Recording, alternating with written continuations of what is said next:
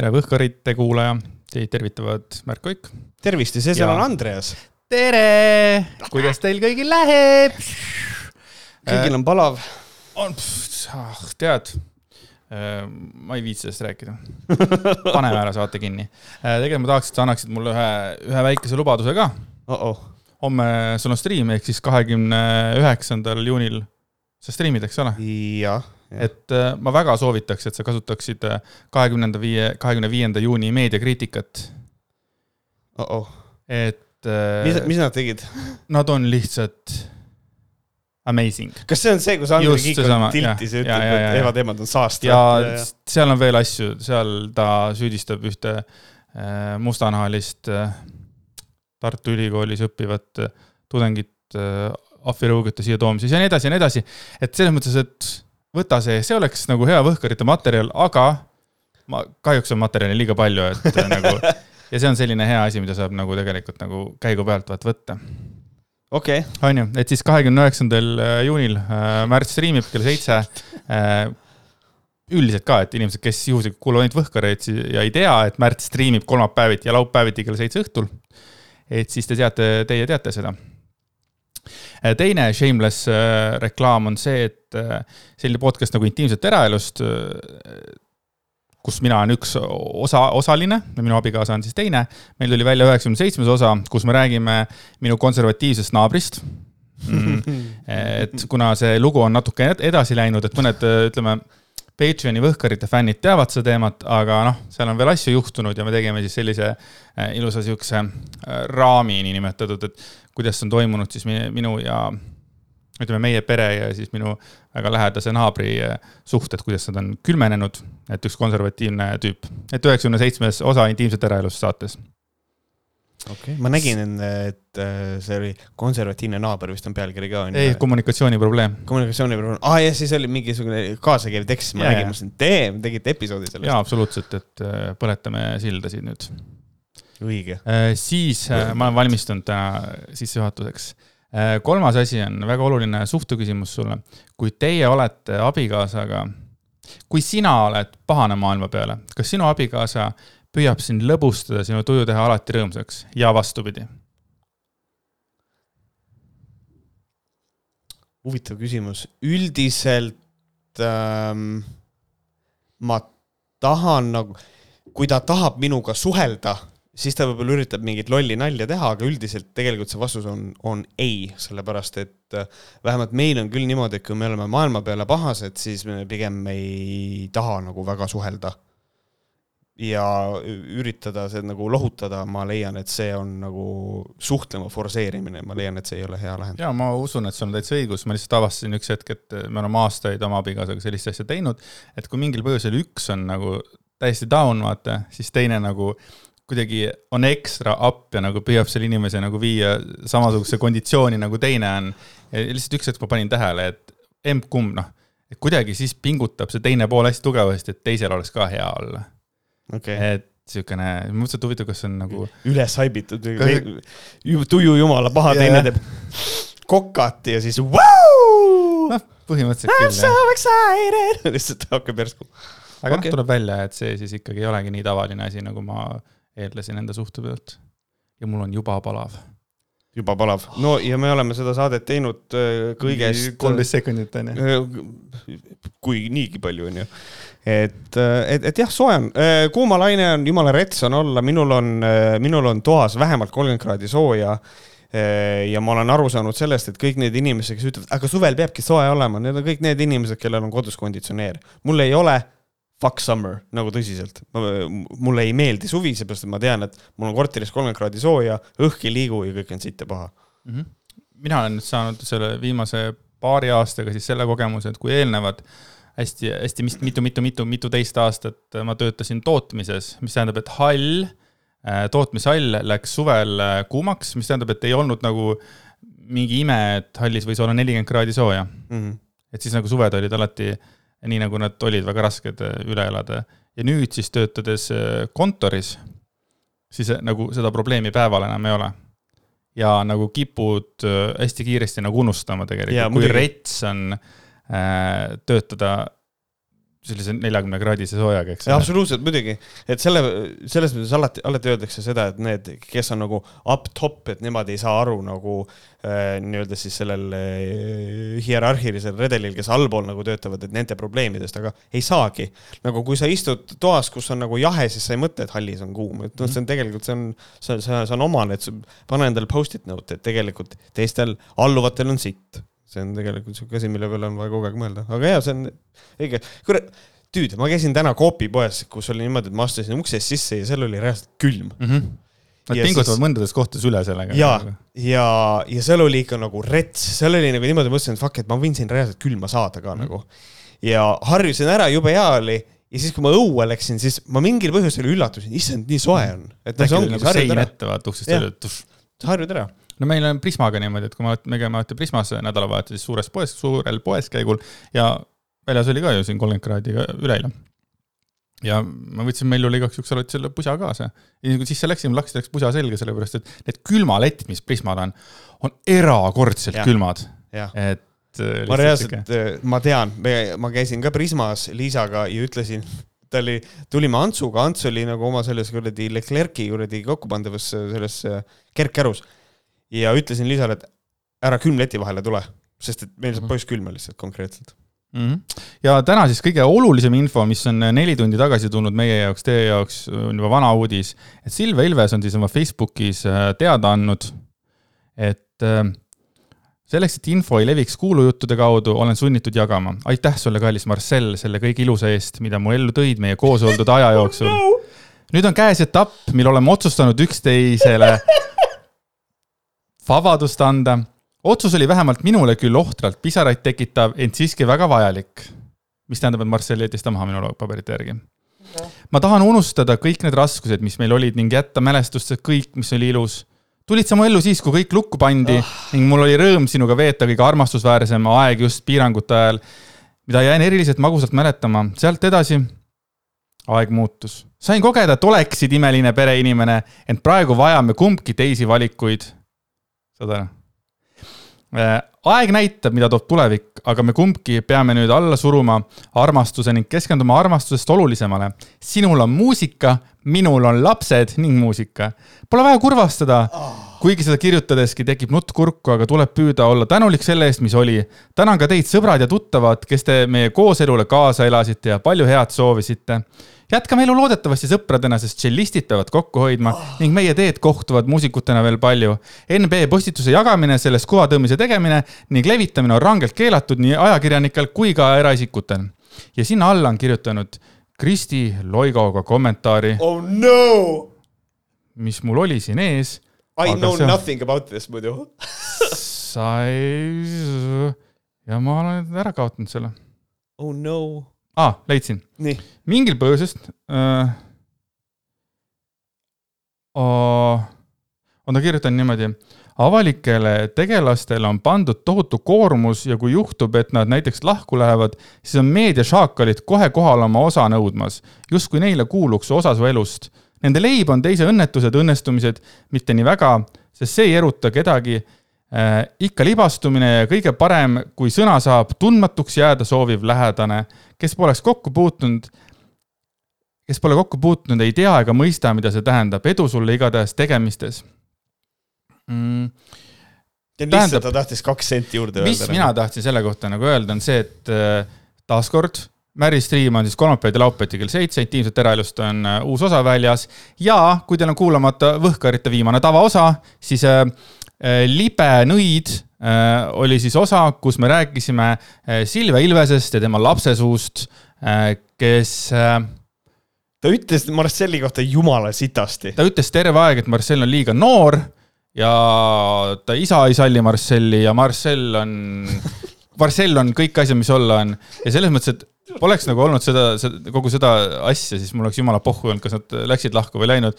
Nad aga... vindusid nüüd kaks nädalat või? Nad vindusid kaks nädalat, ei ta vist läks juba natuke varem lahku, nüüd ta andis teada lihtsalt yeah,. Yeah.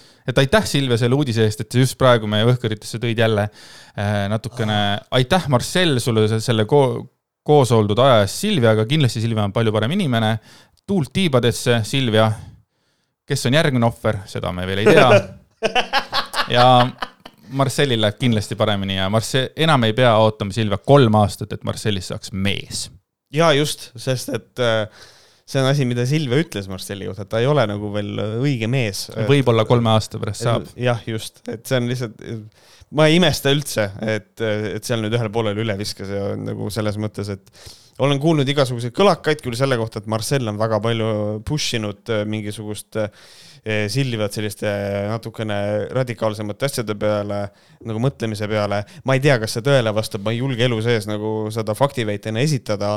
Äh, mul ei ole ka põhjust, sest et nagu suu on ikkagi Silvia oma aga nüüd, kus ma kuulen seda, et Marcelil viskas üle ja ta minema läks, siis seda enam mul tekib isegi natukene kahtlus, kas see tegelikult nii oli et äh, ma ei usu, et Marcel või ma ei tea, või on mingisugune sisemine rebel äh, selles Silv-, Silvias, ei tea. igal juhul läksid lahku, ma ei tea, ilusat teed neile mõlemale ja las nad, äh, loodan, et nad leiavad viisi olla õnnelikud.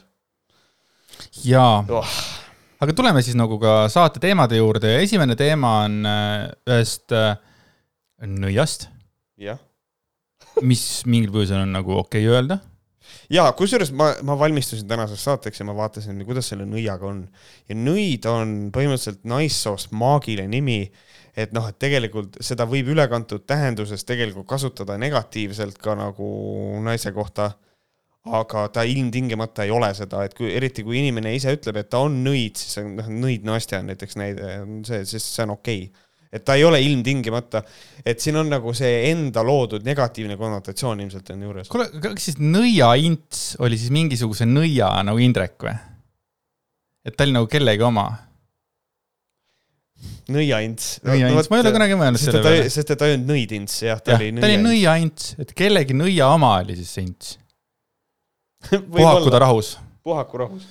Anyways äh,, siis täpselt kaheksa päeva tagasi meie aja arvamise järgi mm, kohtusid Harju maakohtu väikeses kohtusaalis Kirsti Waldstein, Timmer, vandeadvokaat Carrie Kinter, ajakirjanik Vahur, Vahur Tšõua, vandeadvokaat Tarmo Friedenthal ja Ekspress Meedia esindaja Mari Männiku. see oli, tundus üks igavene eh, salajane kohtumine selle teksti järgi jaa, sissejuhatus on siuke. ja muide, mida te veel ei tea, siis äh, nüüdsest äh, eelmisest tavaosast saadik ilmuvad ka alla kõik artiklid, mida me puudutame ka sinna Youtube'i lingi alla, mis tähendab, te saate vaadata neid, äh, ka ise lugeda neid artikleid ja tšekkida biiti. ja selle artikli juures on kõige vahvam asi see, et kõik pildid on rõõmsad kui sa paned selle paned selle, oota ma vaatan, et paned selle galerii käima, siis iga pildi peal naeratab Kirsti Timmer, naeratab järgmine inimene, naeratab järgmine inimene. ma pole elu sees nii lõbusat. tundub veider. nii lõbusat kohtu ja siis on jah, kõik naeratavad, et küll see on üks lõbus kohtuheitlus jah, eriti kui me siit veel edasi läheme, siis see tundub seda enam naljakas, et lihtsalt kuna ma andsin su kohtusse, andsid jah, okei okay,, kuule jube vahva ja siis aru, käivad ja arutavad ja naeravad ja väike õlu võiks kõrval olla ja kõik mhm. sihuke mm -hmm. aga mis siis juhtus? Äh, nimelt esitas tarokaarte laduv Kirsti Valstein-Timmer hagini Ekspress Meedia kui endise Kroonika ajakirjaniku Vahur Joa vastu, soovides ebaõigete andmete ümberlükkamist ja mittevaralise kahju hüvitamist. Äh, küsite, mis toimus siis? kohtulugu puudutab möödunud aastal, kolmekümnendal oktoobril Kroonika veergudel ilmunud artiklit, mis kannab pealkirja Oligi ebaeetiline, tragöödialt kasu lõikamine ja avalikult surma ennusta-, surma ennustamine, Eesti selgeltnägijate jultunud võtte võtted. võtted. ma ei tea, mis võtted. jah, ja, ja siis äh, tegelikult veel äh, kuu aega hiljem tuli siis artikkel, millega meie äh, tegelikult ka nagu, mida, mille üle ka meie arutlesime. Patreonis. Patreonis. www.patreon.com vohkarid kuidas muuta kaks eurot viiekümneks euroks Krist-, Kirsti Timmeri moodi, lisa alusele peegel ja kirjuta käsitsi kiri. et selle üle, selle üle ka meie rääkisime ja et äh, sihuke, ma ei tea, suht, suht mahlakas, et ühesõnaga nagu kogu see asi siis oli see, et Vahur Joa nagu rääkis justkui seda, et noh, tegelikult Aliekspressist tellid endale peegli aluse, tellid Aliekspressist endale peeglid, siis sa liimid need käsitsi kokku ja siis äh, küsid astronoomset hinda võrreldes algmaterjaliga, et noh, see on niisugune äh, astronoomne on päris hea sõna, sõnade valik praegu. kas see oli juhuslik? mida sa mõtled praegu? et see astronoomne astronoomne, ei täiesti kogemata. väga armas ma ei, ma nüüd niimoodi ka ei valmistu mm.. mm. -hmm, mm -hmm. igatahes äh, Kirsti Timmer ja tema vandeadvokaat äh, siis nagu selgitavad, et ne, nende artiklitega äh, oot-oot-oot, kuidas on, loodi siis äh, mulje, nagu Timmer oleks kelm ja liigkasuvõtja. mis on minu jaoks on nagu see liigkasuvõtja. aga kas ta ei ole liigkasuvõtja, kui äh, sa, sa nagu liigkasuvõtja võid olla, see ei tähenda, kas True. ma ei, fuck, ma ei valmistunud selleks, kas, kas liigkasuvõtja kui termin tähendab seda, et tegu on nagu ilmtingimata nagu asjaga, mis on kuidagi ebaseaduslik või midagi sellist ju tegelikult ju ei ole. no uss, aitab meid. et liigkasuvõtja on lihtsalt see, kes võtab, ostab väga odavalt sisse ja müüb väga kallilt maha. võtab liigkasu, noh, kõik, liigkasu pluss võtmine, liigkasu võt-, võtab laenu pealt liigkasu. noh, ühesõnaga, mis on see, et ma laenan sulle viis eurot ja anna mulle viiskümmend tagasi, noh, mingisugune, et, et äh, väga raske on nagu mitte öelda, et ta on liigkasuvõtja, kui sa ostad kahe euro eest, ütleme, noh, ma, ma spitball'in, ma ei tea nende asjade hindu, aga ma ütlen, et kui sa ostad väga odavalt endale peeglialuse näiteks kahe euro eest ja kahe euro eest ostad äh, muidugi, kui me ostame hulgi, on hinnad juba teised ja kahe euro eest no kolme sendiga saad umbes äh, need noh, mingid asjad ja müüd viiekümne euroga. kas see on nagu vale või? et kas siis sa ei ole liigkasuvõtja? et see, see ongi nagu see küsimus. ahaa, sa läksid kõik- sinnapoole selle mõttega. ma, lõpetasin sinu lause täiesti valesse kohta, ikka juhtub et noh, et ongi, et kui see või noh, et ongi, kui sinu väljaminek on viis eurot ja sa teenid sellega kümnekordse vahe, siis kas sa ei ole liiklusevõtja? ma ei tea, natuke tekitab mul küsimust, kas ta oleks kelm? no me jõuame selleni, kas ta on kelm või ei ole, aga. kelm, ilus sõna. kelm, jah. igatahes äh, äh, Carri Grint-, Ginter on ikka sa, sa tahtsid Kalle Grünthal öelda? peaaegu, Kalle Grünthal ähm, lisas, et ähm, Vahur Joo kohta siis, et Joa kohta, jesus, ta valis Timmeri välja ja hakkas artikliseerijaga kiusama. jah, lisas, et kirjutisena läbivalt halvustavad.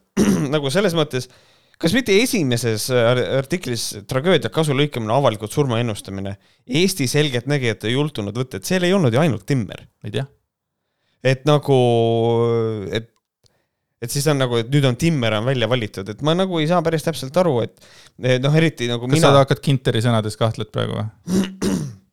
noh, Ginter ilmselt äh, rõhub sellele, et äh, Timmer oli esimeses ja see on nagu kõik, et ta on välja valinud äh, ainult äh, Timmeri, sest et temale tuli nagu jätkulugu. et ma arvan, et täna nagu läheb nagu selle peale. aga kust Aga- lõpeb piir, ajakirjaniku piir ja algab siis nagu kiusamine? nagu selles mõttes, kus on nagu, et kui ajakirjanik teeb oma tööd, ta avastab, et keegi teeb mingisugust, noh, koerust, Mhm. jääb silma, teeb esimese artikli. Aga siis on ju nagu see, ongi nagu see tähelepanu ju on ikkagi juba selle inimese peal ja, ja seda inimest hakatakse natuke rohkem nagu jälgima, ma eeldan. sest sa ei tea, kui sa ei tea mõnda inimest, sa ei saagi isegi jälgida, mis ta teeb ju, eks ole. Mhm. põhimõtteliselt küll, jah. seega minu arvates selline asi, et ta valis Timmeri välja, hakkas artikliseerijaga kiusama. ma ei tea, äkki ta tegi oma ajakirjaniku tööd, kui tundus, et seal on mingisugused kahtlased asjad. jah, põhimõtteliselt. Vahur Joa ei ole kindlasti nagu noh, top tuhandeses Eesti ajakirjanike seas on ju. aga ma eeldan, et ta tegi oma tööd. no ma eeldan, ma eeldan sama. ja siin nüüd, kui, kui sellest kelmist äh, nüüd rääkida, siis ongi noh, et see pealkiri ka, mis oli esimesele tragöödialt kasu lõikamine. et, et nagu ilmselt nagu mängitakse selle peale ka, et keegi lõik-, noh, et Timmer justkui lõikab tragöödia pealt kasu, siis mina nagu, minu seisukoht on nagu see, et tragöödialt või sellistest olukordadest kasu lõikamine on põhimõtteliselt igasugune majanduslik tegevus. et äh, kas näiteks matusebürood on ka siis, peaksid nüüd minema äh, kohtusse kaebama, sellepärast et keegi ütleb, et noh, nemad on siis ka kelmid, sellepärast et nemad ju ka põhimõtteliselt lõikavad ju tegelikult inimese isikliku tragöödia pealt ju räigelt pappi. Kirstud maksavad jube palju, matusetalitluse, see kõik maksab väga palju. kõik see, see, see on tegelikult ju ikkagi maksab raha. oota, kas sinu isa ka? minu isa kunagi tegeles sellega. jah, et tegelikult tema võttis, sai ka kasu sellest, kui inimesed surid ju. no põhimõtteliselt küll, tema saab ju palka selle eest või noh, sai, ta on nüüd pensionil, aga et tegelikult, et noh, et kas nüüd, kas nüüd see on asi, mille peale öelda tragöödiaga nüüd lõigata, kas sellega kohtusse minna, ma ei tea, see on siuke shady. no ongi, aga vaata, ega selles mõttes ka kohtunik ütles äh, selles samas protsessis, et lähme saalist sõbralikult lahku, miks kolmeastmeline vaidlus? mis on minu arust nagu väga-väga huvitav asi, kas tõesti kohtunikel on selline õigus nagu hakata sellist asja nagu kommenteerima, mis on nagu äh, väärt või ei ole väärt asi vaielda või? no selles mõttes ta võib. et on siis õigus? no kindlasti on õigus, ta võib öelda, kuulge, leppige lihtsalt kokku ja lähme ära ja, ja, ja see on lahend, noh, ma leian, et niimoodi tehakse. Okei. aga noh, kui ajad oma õigust taga, siis, siis ilmselt on. ja mõtlengi, et kui ma olen nagunii kohtusse läinud, onju, ma olen nagunii juba mingisugused rahad sinna alla pannud ja tahan ikkagi mingit avalikku vabandust ja mida iganes, et ja siis mingisugune kohtunik ütleb mulle, minge lahku rahulikult. hui ma lähen, ma kaebasin praegu kohtusse no Vahur aga Joa minu arust on nagu väga oluline ka, et kohtunik ütleb for the record, et see, see, millega me tegeleme, see on debiilne. aga hea küll, lähme edasi, kui tahate. et noh, see on nagu selles mõttes. seda küll jah, aga mida siis äh, Kirsti Timmer tahab, Kirsti Timmer soovib, et Kroonika lükkaks ümber artiklis olnud väited, et ta võtab vaimselt tapraid kliente kuulda vaid raha eest ning et ta on keeldunud kadunud äh, Markuse ema nõustamise eetilisust kommenteerimast. no see, ma seda Markuse asja ei tea, et äh, see vist oli, kas Joa artiklis oli see, et kui tema käest küsiti, et kas see on eetiline selle Markuse ema nõustada, siis ta ei vist lihtsalt ei kommenteerinud midagi. aga minul on nagu see, et ähm, see tuleb siit hiljem küll välja, kus kohas ähm, Timmeri blogis eh, on selline lause, et loomulikult ei tee ma oma tööd tasuta, seega niisama küsimusi saata ei ole mõtet. et äh, siin nagu mängib rolli minu jaoks nagu see asi, et äh, noh, see, ma ei ole, ma ei võta Timmeri poolt, sest et väga raske on Timmeri poolt võtta siin, et tegelikult ähm, et ta võtab, et nagu artiklis on nagu väide, et võetakse vaimselt haprad inimesed ainult raha eest Timmer ise ütlebki seda, et ta võtab inimesi ainult, selle, see on ka sellepärast nagu, nagu oluline, et, et Timmer ütleb ise, et ma võtan raha eest, sest ma tahan oma töö eest palka saada. Mhm. okei okay., nii, kas see välistab seda, et vaimselt haprad inimesed tulevad sinule kliendiks? ei välista. kas sa aitad vaimselt hapraid inimesi ainult raha eest? no apparently so, kui sa raha võtad. aga see ongi boom, case closed.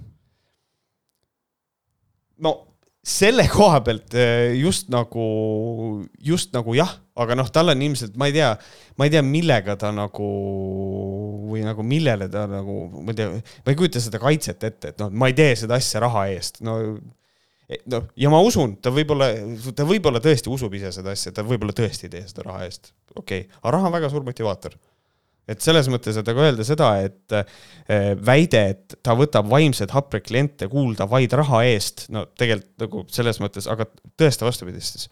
tõesta, et sul on olemas mingi hunnik hapreid, vaimselt hapreid kliente, kelle sa ütlesid, you know what, see on pro bono, siit ma ei taha raha saada, ikka, kui sa kirjutad ise, et ma, ma tahan, ma ei tee oma tööd tasuta, noh ma ei tea, see on minu jaoks, see on lihtsalt nii, nii nonsense on istuda kahekesti või kolmekesti, mis nad seal istuvad kohtusaalis ja arutavad siukse asja üle. see on absurdne minu jaoks.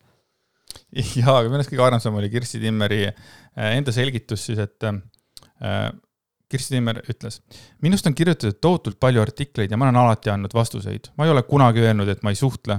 on olnud arusaamatusi, aga ühendust võttes on need parandatud. aga Vahur Joaga sedapsi ei olnud. Teda ei huvitanud ükski asi, mida ma ütlesin. ajakir-, no ja nüüd mul tekib küsimus, aga mida sa ütlesid, seda ei maini? jaa, aga teda ei huvitanud ka Vahurit. praegu no jaa, aga siis Timmer võiks öelda, et noh, mina, ma nõudsin seda ja seda ja ma tegelikult ütlesin seda ja seda, aga null, tal ei ole, ma lihtsalt kõik. olgu, ajakirjandus on teinud mind tugevaks. võin öelda, et äh, mul päris elevandinahk, aga selline ebaõiglus ja nii tahtlik haiget tegemine, kirjutades, et ma olen põhimõtteliselt mingi kurjategija, kes võtab inimeselt raha ära. kas, kas nagu ja siin on mul, mul on nagu see, et tule nagu palun tule taevas appi. kas Vahur Joa ütles, et sa oled kurjategija? Vahur Joa andis kirjutada, et ma olen põhimõtteliselt mingi kurjategija. noh, vot ongi. nii öelda. no vot, Nagu- see nagu on nii Kristjan öelda ütleks selle kurjategija. just, et ma olen põhimõtteliselt mingi kurjategija, nagu ei, põhimõtteliselt Vahur Joa andis mõista, et sinu tegevus on ebaeetiline tema arvates. ja mina olen Vahurjaga selle koha pealt nagu nõus, et see on ebaeetiline, aga see, et mingi asi on ebaeetiline, see ei tähenda seda, et, et see teeks sinust kurjategija. nagu see ei ole ka nagu nii. et noh, ma ei tea, see on sihuke, see on nii debiilne, see kõik lihtsalt, see on, see on, see on mulle kuidagi nii vastumeelne. ma ei tea, lollakas olukord sa ei ole, nagu keegi ei ole öelnud, et sa oled kurjategija, noh, sest et see, mis sa teed, on ju legaalne. olen jälle nõus sinuga Timmeri sõnul ei saanud ta ajakirjanikku ründavate kirjade ja artiklite tõttu öösiti sõba silmale. ma ei karda kedagi, aga ma kartsin Vahur Joa meile tuleb telefoni peale tuleb notification. lihtsalt kardad meile. aga see ongi huvitav, et ta ei öelnud, ma ei karda midagi aga ta ütles, ma ei karda kedagi, aga ma kartsin Vahur Joa meile, nagu meil oleks mingisugune mm -hmm. keegi. meil ise on nagu äh, hirmus. Joa ise kirjutab jumala normaalne vana, aga tema meilid on need, mida ma kardan et. aga äh, kas ei saa nagu lihtsalt nagu, ma ei tea, mingi ploki peale panna? ei, jah, võib-olla. muidugi saad no muidugi saad. äkki siis nagu blokiks ära selle inimese? sa tõid need ründavad kirjad, huvitav, kas need olid gaasitõendites olemas või? Ei tea. aga, aga noh, aga inimlikkust ma saan nagu aru, mida, mida ta nagu mõtleb. ja, et sul, et sul nagu, on ärevus jälle. ja jälle see Joa kirjutab, et kuule, Timmer, et mida sa teed, vaata. oh, Timmu või? mida sa teed Vaur Joo võiks niimoodi kirjutada. oh, Timmu. võib-olla kirjutaski, sellepärast ta kardabki seda. aga jah, istungil arutati ka selle üle, kas soo-, nüüd läheb täiesti käest ära, saate aru või? Ka selle üle, kas soolapuhuja, nagu Joa Timmerit artiklis nimetas, on siinkohal solvav või mitte. koolis käinud inimese jaoks on ennustaja, nõid, soolapuhuja sama asi, nentis Männiko. noh, uurisin ka siis soolapuhuja tausta natukene. nii. soolapuhuja ehk soolaga ravitseja. ehk siis äh, ongi mingisugune ravitseja lihtsalt äh, Äh, üldine konnotatsioon minu jaoks soolapuhujal on see äh, inimene, kes äh, tegeleb mingisuguse. mis asi? Kon-, oota, konnot-? konnotatsioon. et nagu üldine viis, kuidas sõna kasutatakse. siis ähm, minu jaoks soolapuhuja tähendab inimest, kes tegeleb alternatiivmeditsiiniga, mingisuguse hookuspookusega, millel ei, noh, kes kasutab äh, ravitsemiseks viisi, millel ei ole mitte mingisugust teaduslikku alust. et noh, minu jaoks on, on nagu see soolapuhuja. aga mina mõtlen selle peale, et siis nagu need, kes ei ole koolis käinud, nende jaoks ei ole sama asi. no just. sest nagu... Pännika ütles seda, et koolis käinud inimese jaoks on ennustaja nõid soolapuhuja sama asi. ma ei tea, huvitav sõnade valik ka nagu selles mõttes jah, et ma arvan, et see on üldiselt ikkagi, kui ma, kui ma ütlen soolapuhuja, siis saadakse aru, mida ma mõtlen. aga konno, konnotatsioon mm, -hmm. selle kohta Õss ei ütle mitte midagi, ta ütleb lihtsalt konno-, konnotatiivne tähendus mm. -hmm. konnotatiivne tähendus ongi seesama. mis see tähendab? sa kahtled mu sõnad, et kas ma kasutan ei, ma õpin. ah, sa õpid, jah? ja ei, ma tahan saada konnotatiivne paremaks. tähendus ehk siis nagu see, et kuidas mingi äh, ühiskond, grupp saab mingisugust äh, sõnadest äh, tundmuslik lisatähendus mm. -hmm et noh, näiteks. keeletarvitajad seovad sõnaga oma kogemuse alusel. toome näite, sõnal, mis hakkab N-tähega, N-word, sellel on väga negatiivne konnotatsioon. sellepärast seda ei tahetagi kasutada. No. sellised sõnad on sul võtta või? ja need on sõnad, mida ma kasutan päriselt ka igapäevaselt, ma ei valmistu saate jaoks vaata, nii milliseid sõnu ma täna kasutan mm. Konnot-. aga Märdiga ongi niimoodi, kui ma räägin temaga kogu aeg õssu kõrval. oota. igatahes äh, sünonüüm ütleb soolapuhuja kohta nõid, see ei tundu olevat solvav. Äh, ja siis ava-, avaldatus ja e-kirjades ei ole midagi sellist, mis paksu nahaga inimese endast välja ajab, nii väikese asja peale solvumine on üle võlli. peate vähem solvuma ajakirjanike peale niisugune huvitav nagu lause et.... ja, ja seda ütles kohtunik mm, -hmm. nagu see on mu lemmikosa. kohtunik on lihtsalt selles, you know what, solvuge vähem ajakirjanike peale. kohtunik on kuidagi väga ühele poole kuidagi kaldu. väga kallutatud ja kusjuures tegelikult ma tahaks nagu tähelepanu juhtida seda ka, eh, et, ehm, et noh, et tegelikult see, see soolapuhuja asi ongi nagu minu jaoks selline nagu, et noh, kui ma ütlen kellegi kohta soolapuhuja, siis ma ütlen seda, et tema nagu lahendustel ei ole teaduslikku alust, et nagu ja, ja nagu kui ma ütlen Timmeri kohta, et ta on minu arvates soolapuhuja, siis ma isegi ma ei tuleks isegi selle peale, et Timmer öö, võiks mind selle pärast kohtusse kaevata, see tunduks minule täiesti absurdne. aga noh, näed, siin me nüüd oleme, welcome to America. et noh, sihuke, ma ei tea, meil hakkab ka see kuradi pask pihta, et keegi, keegi peeretab tänaval kellegi poole ja siis on kohe vaja kohtusse anda. jah, ja nad soovivad siis seitse tuhat Mhm. eurot äh, hüvitist Ekspress Meedialt. jah, kuigi nad andsid ka joa just. äh, eraldi äh, nagu, nagu kohtusse, et seda nagu, need Ekspress Meedia tahavad seitse tuhandet, mis nad joalt tahavad, ma ei tea, vabandust, saa aru. Mhm.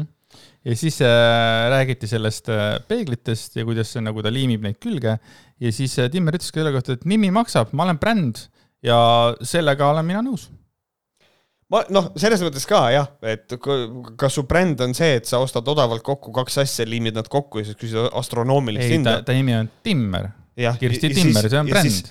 ja siis selle bränd, et see on nagu, teeb hinna ega Nike'i. Nike'i hind on ka tänu sellele brändile ju niivõrd kõrgem kui võib-olla mõne teise äh, ka sama hea toote hind. jah, no ma tahaksin koha peal teha selle argumendi, jaa, ma panen Nike'i jalga, ma käin sellega vähemalt aasta ja siis, aga noh, jaa, aga sa aga kui me võib-olla räägime ostad ka, ei no sa ostad ka Timmeri peegli ja sa ka võib-olla aasta aega käid ja sellega. ma, ja ma võin aasta aega ennast vahtida sealt, kui loll ma olen, et ma ostsin selle. ma olen nõus. jah, et selles mõttes ma olen selle brändi asjaga nagu, nagu. sina oled ka. bränd, Märt Koik. paraku küll jah, noh need sokid, mis kunagi tulevad, kindlasti tulevad. Te kuulsite siit esimesena, et tulevad. Ja me, peaks sada viiskümmend eurot. energeetilised sokid. jaa, saad, tõmbad sokid jalga, hakkad rääkima nagu Märt, konnotatsioon ja kõik ülejäänud penetratsioonid. ja Timmer ütles selle kohta ka, et mina hindan oma tööd ja annet, selliseid mujal maailmas ei ole. ja Ähm. ei, mina olen täiesti kindel, et rohkem ei ole Timmereid. no üks on veel, jah, kes on ka, täpselt sama asja. kes teeb, selles mõttes, ei jah, ma võtan tagasi sõnad. jah, et noh, et äh, aga, aga Kirsti, mis, mis, mis asi ta oli, Waldstein või Valdek või Alstein jah. Waldstein, Timmer, et nagu kindlasti teisi selliseid inimesi ei ole kui tema, ta on unikaalne. et, et, et jah, et advokaat nagu tahtiski teada nagu just nimelt seda, et nagu mis on nagu Timmeri osa selles töös, et ühesõnaga, et selle point on siis ilmselt selles, et nagu kohtus ära näidata seda, et inimene paneb nagu täiesti öö, tühise koguse tööd sinna alla ja müüb seda astronoomilise hinnaga ja mulle meeldib, et äh, Timmeri kaitse on ka nagu see, et noh, no kes ostab, see ostab. see on, see on nagu not a good look, aga okei okay.. ise tead, sinu kohta asi. Mhm. aga Vahurja on ka veits nagu äh, on nutuvõru ümber suu ja ütles, et äh, tema ei ole nagu nõus sellega, et äh, teda ka üksikisikuliselt kohtusse kaevati. Siis ta ütles, Mhm. toimetajad täidavad teatud rolli, keegi ei saa päris seda teha, mida tahavad, mingisugune filter on vahepeal. no nii ja naa, mis ta sellega öelda tahtis siis, see oli tema artikkel ju ja kui ta No artikkel- tõtt, tõtt ja ainult tõtt seal äh, oli ja siis, mis ta nüüd hakkab siis selle toimetaja kaela ajama? et siis äh, küsin vahele, sa oled siis ka nõus nagu sellega, et ajakirjanikke võiks isi- üksikisikuliselt ei, ma lihtsalt nagu selles mõttes küsin, kas ta nagu arvab, et artikkel ei ole siis väärt või? Hea küll, ma veits niisama nagu nussin. ja ma tean seda, et sulle joa ei meeldi. ei, mulle väga meeldib ja. aga mul on lihtsalt nagu see, et, et noh, mida ta öelda tahab, ongi nagu see, et tema noh, ta on ka nagu otse loomulikult ajakirjanik nagu selle poolt, et noh, et kõik asjad, mis ma kirjutan, need käivad toimetaja laua pealt läbi mm.. ja kui toimetaja laseb läbi, siis toimetaja tegelikult väljaanne justkui nagu vastutab. et ei ole niimoodi, et kuule, et noh, et tegelikult toimetaja peaks minema tagasi, ütlema, kuule, sa lähed siin üle, et paranda see koht ja see koht ja see koht ära. et noh, tegelikult toimetaja ja, ja aga kas ma olen natuke millegi vastutuse. siis valesti aru saanud, kui siin alguses oli kirjas, et Eesti Ekspress kaevati kohtusse mm. -hmm. ja Vahur Joa, siis mis see, mis, miks, miks see lauset üldse vaja on, toimetajad täidavad teatud rolli, keegi ei saa päris seda teha, mida tahavad, mingisugune filter on vahepeal, noh, ega Eesti Ekspress vastutab praegu ka ju. jaa, aga jaa nagu jaa, aga ka tema on ju antud kohtusse, tema point ongi see, et ta ei saa aru, miks ajakirjanik üksikisikule antakse ka juurde. selle poolt ma loomulikult, see on muidugi bullshit täiesti, et ajakirjanikke üldse kaevatakse kohtusse mm. -hmm. et ikkagi noh, see, kes nagu avaldab. et ma saan nagu aru jah, Mhm, jah, aga ma nagu päris ei ole imbetsill. päris, Päris, päris, ei ole. Ehm, ja siis Joa veel ütles viimased sõnad ka sellised, et ma ei ole nõus sellega, nagu siin väideti, et mul on midagi selle inimese vastu. Ei ole. ja kohus teeb otsuse kaheksandal juulil, ma ei tea, nii, minu täiesti võhiklik äh, analüüs ja arvamus on see, ma oleksin väga üllatunud, kui kohus otsustab, you know what, Vahur, Eesti Ekspress, fuck you, makske. ma oleksin väga üllatunud. see case on nii loll lihtsalt me räägime soolapuhuja sõna äh, ümber hädaldamisest ja, ja mingitest sellistest väidetest, mida nagu tegelikult Vahur Joa ei ole teinud mm -hmm., noh, vähemalt nii ma mäletan, ei ja. ole päris ekspert, oleme siiski võhkarid, vaata. ja, ja just, no just, et siin on tegelikult see, et äh, ähm, minu algne nagu seisukoht oli see, et noh, Timmer ei läinud kohtusse selle soolapuhuja sõna pärast, aga tegelikult nagu she kinda did, mis on nagu see, et kui sa ütled soolapuhuja, siis selle sõnal on negatiivne mõju. Konnot-, konnotatsioon täna lihtsalt ei vaibi, ei ole midagi. ja siis, et noh, et sellega ta annab mõista, et ta on kelm ja põhimõtteliselt kriminaal, mis on asi, mida mitte keegi ei ole never ever öelnud Timmeri kohta. et, et siin jah, mina oleksin, mina oleksin väga üllatunud, kui see asi. oleks see pealkiri olnud siis vähemalt, et kriminaal Timmer. ei, kriminaalist soolapuu ja Kirsti Waldstein Timmer müüb äh, Aliekspressist kolme sendiga ostetud peegleid tuhande euroga. midagi sellist, jaa. liiga, see oleks muidugi liiga selline pikk pealkiri Timmer petab jälle mingisugune ei no jah, aga kui me räägime pikkadest pealkirjadest, siis meie järgmine teema, mis on võetud äh, Delfi alkeemiast, pealkiri on üsna pikk.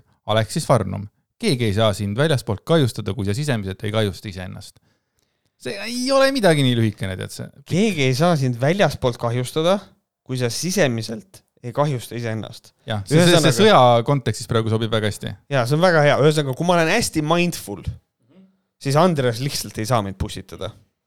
Just doesn't compute, lihtsalt noatera läheb pooleks, kukub noa küljest ära mm -hmm., what not. selles mõttes, kui sul lihtsalt tuleb olla sisemiselt äh, kahjustamatu ja ma välimiselt ei saa, mul nagu ette.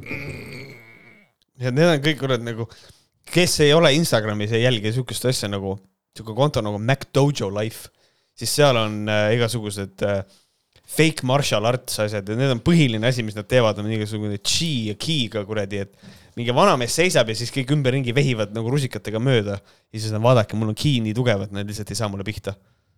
This is real. kirjuta Youtube'i kommentaaridesse, kui sa jälgid Äh, Instagrami kontot nimega. MacDojo Life. just. mitu tuleb kommentaari? ilmselt, äh, ma loodan, et vähemalt üks, ma kirjutan ise. Äh, mina jälgin. nii, aga mida siis, mis seal Aleksis Varnumiga on? no Aleksis Varnum on täiesti pöörane tädi.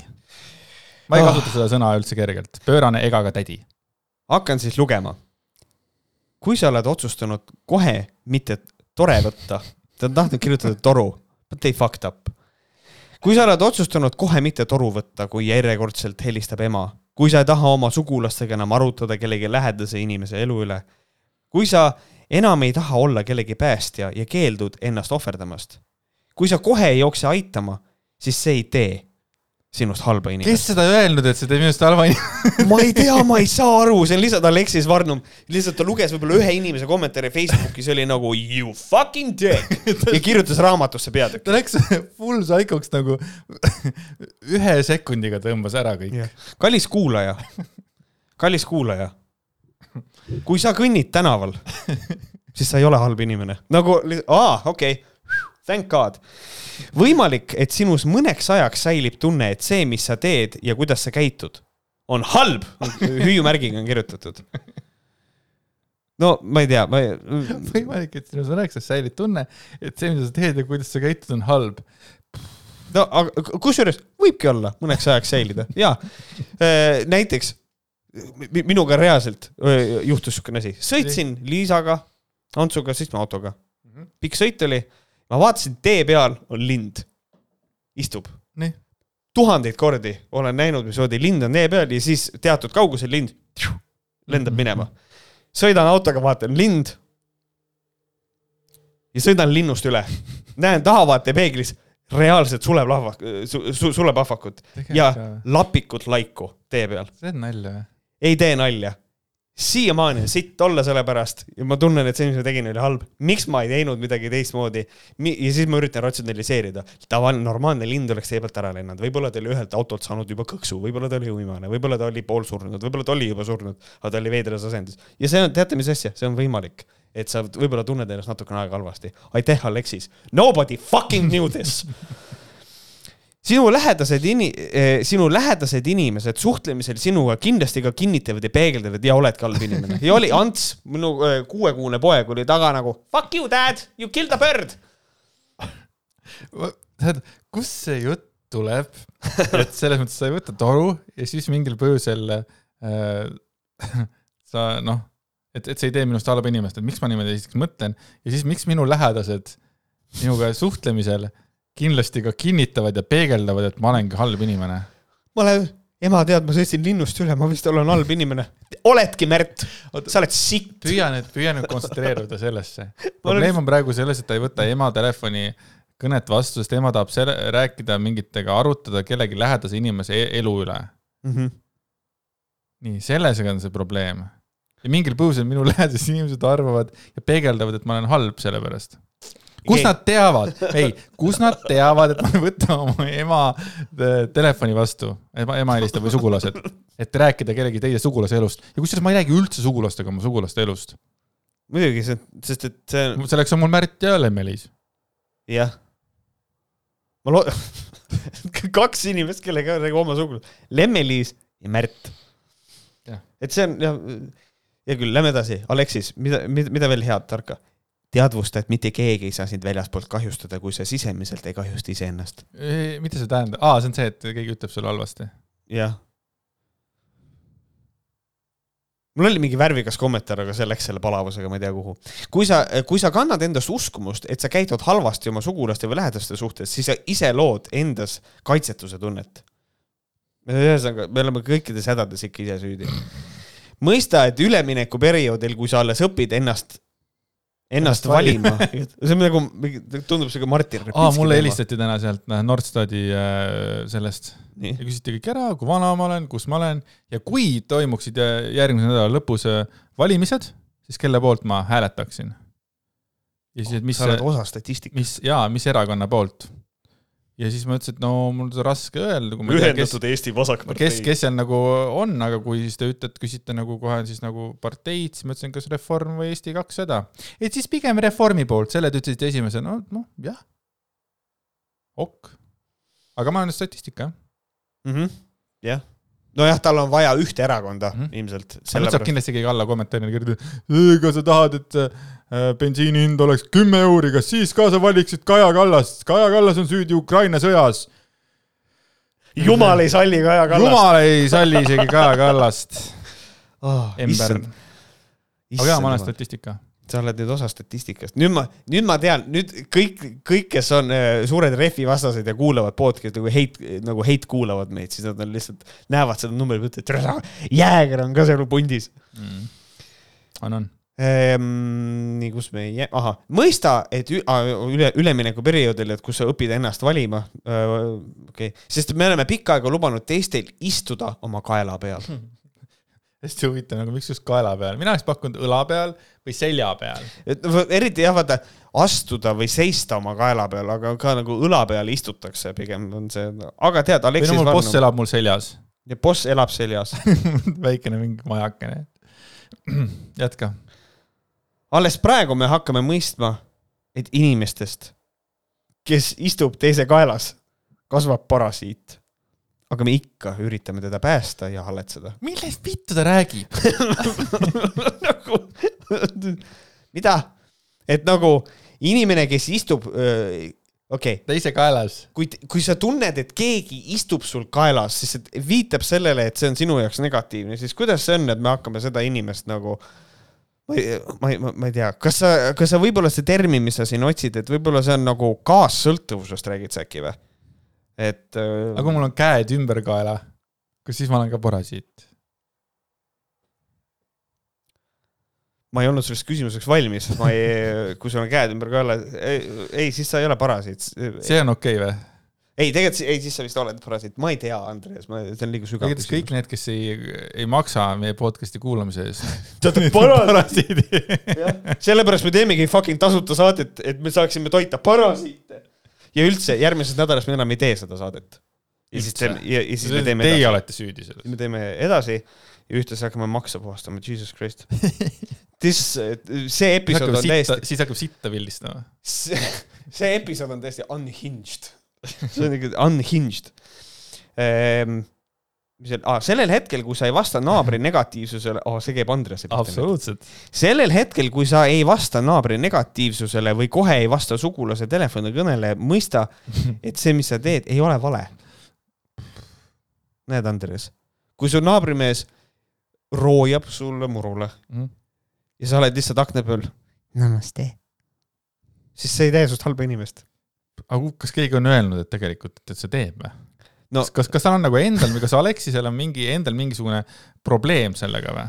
ma ei, ma ei tea, ja et ta nagu teeb endale teraapiat, et ta, ta nagu üritab ratsionaliseerida ja siis ta kirjutas sellest raamatu ja siis ta ütleb, you know what, ma parem juba müün ka seda siis. aga selles mõttes mina jah, sul on õigus, mina vastasin enda naabri negatiivsusele ja sellest saab kuulata üheksakümne seitsmendas intiimsete eraelust osas, mis, mis on kuuldav nii Spotify's, Apple podcast'is kui ka Google podcast'is Minul ja oli- SoundCloud'is. minul ei ole ühtegi teist podcast'i, nii et mina jätkan. see on vajalik, võib-olla tänu sellele nad hakkavad mõtlema, mida teevad. vot see on, on, andke andeks, this is stupid, kui sinu naaber on sinuga ülinegatiivne, ta on aias ja kujutab, kuradi kiilakas, kuradi osta, pese enda käed ära, kuradi rõvedad tatokad ja vaata, vaata oma last, mis tal viga on. Ja sa ei vasta, siis kas sa, kas sa nagu tõesti arvad, et siis see, Siis see naaber läheb koju mõtleb, tere, ma ikka läksin vist liiale. sest ta ei, ta ei vastanud. ta ei vastanud mulle. mitte midagi, ma, ma arvan, et ma lähen vabandan, nagu this is never gonna happen. et see on küll nagu veider, nagu aga Aleksis on ju see naine, kes tegelikult ütles ka seda, et kõikidel äh,, kuidas see oli, et kõikidel tütardel on kõik, et emad on neile terve elu halvasti öeldud, mingi teema oli. ja, ja siis, et äh, see oli see, see oli see, et kõik naised on putsis sellepärast, et emad annavad oma probleemid tütardele mis on veits Ants Rooslase vibe, sest tegelikult on süüdi äh, põlvkonna, seitsme põlvkonna saladus. jah, ja, ja. Aleksis ei ole veel nii tiip, et ta läheks seitsme põlve Balls deep.. Aleksis vist ei, ei, ei saa, see, ma räägin, see episood on täiesti unhinged ehm,. nii, kui sa ei soovi, et näiteks sinu ema arutaks teistega sinu elu ja räägiks teistele, mida sa oled saavutanud või kui halb tütar sa oled, mida vittu? siis ära jaga temaga enda elu detaile.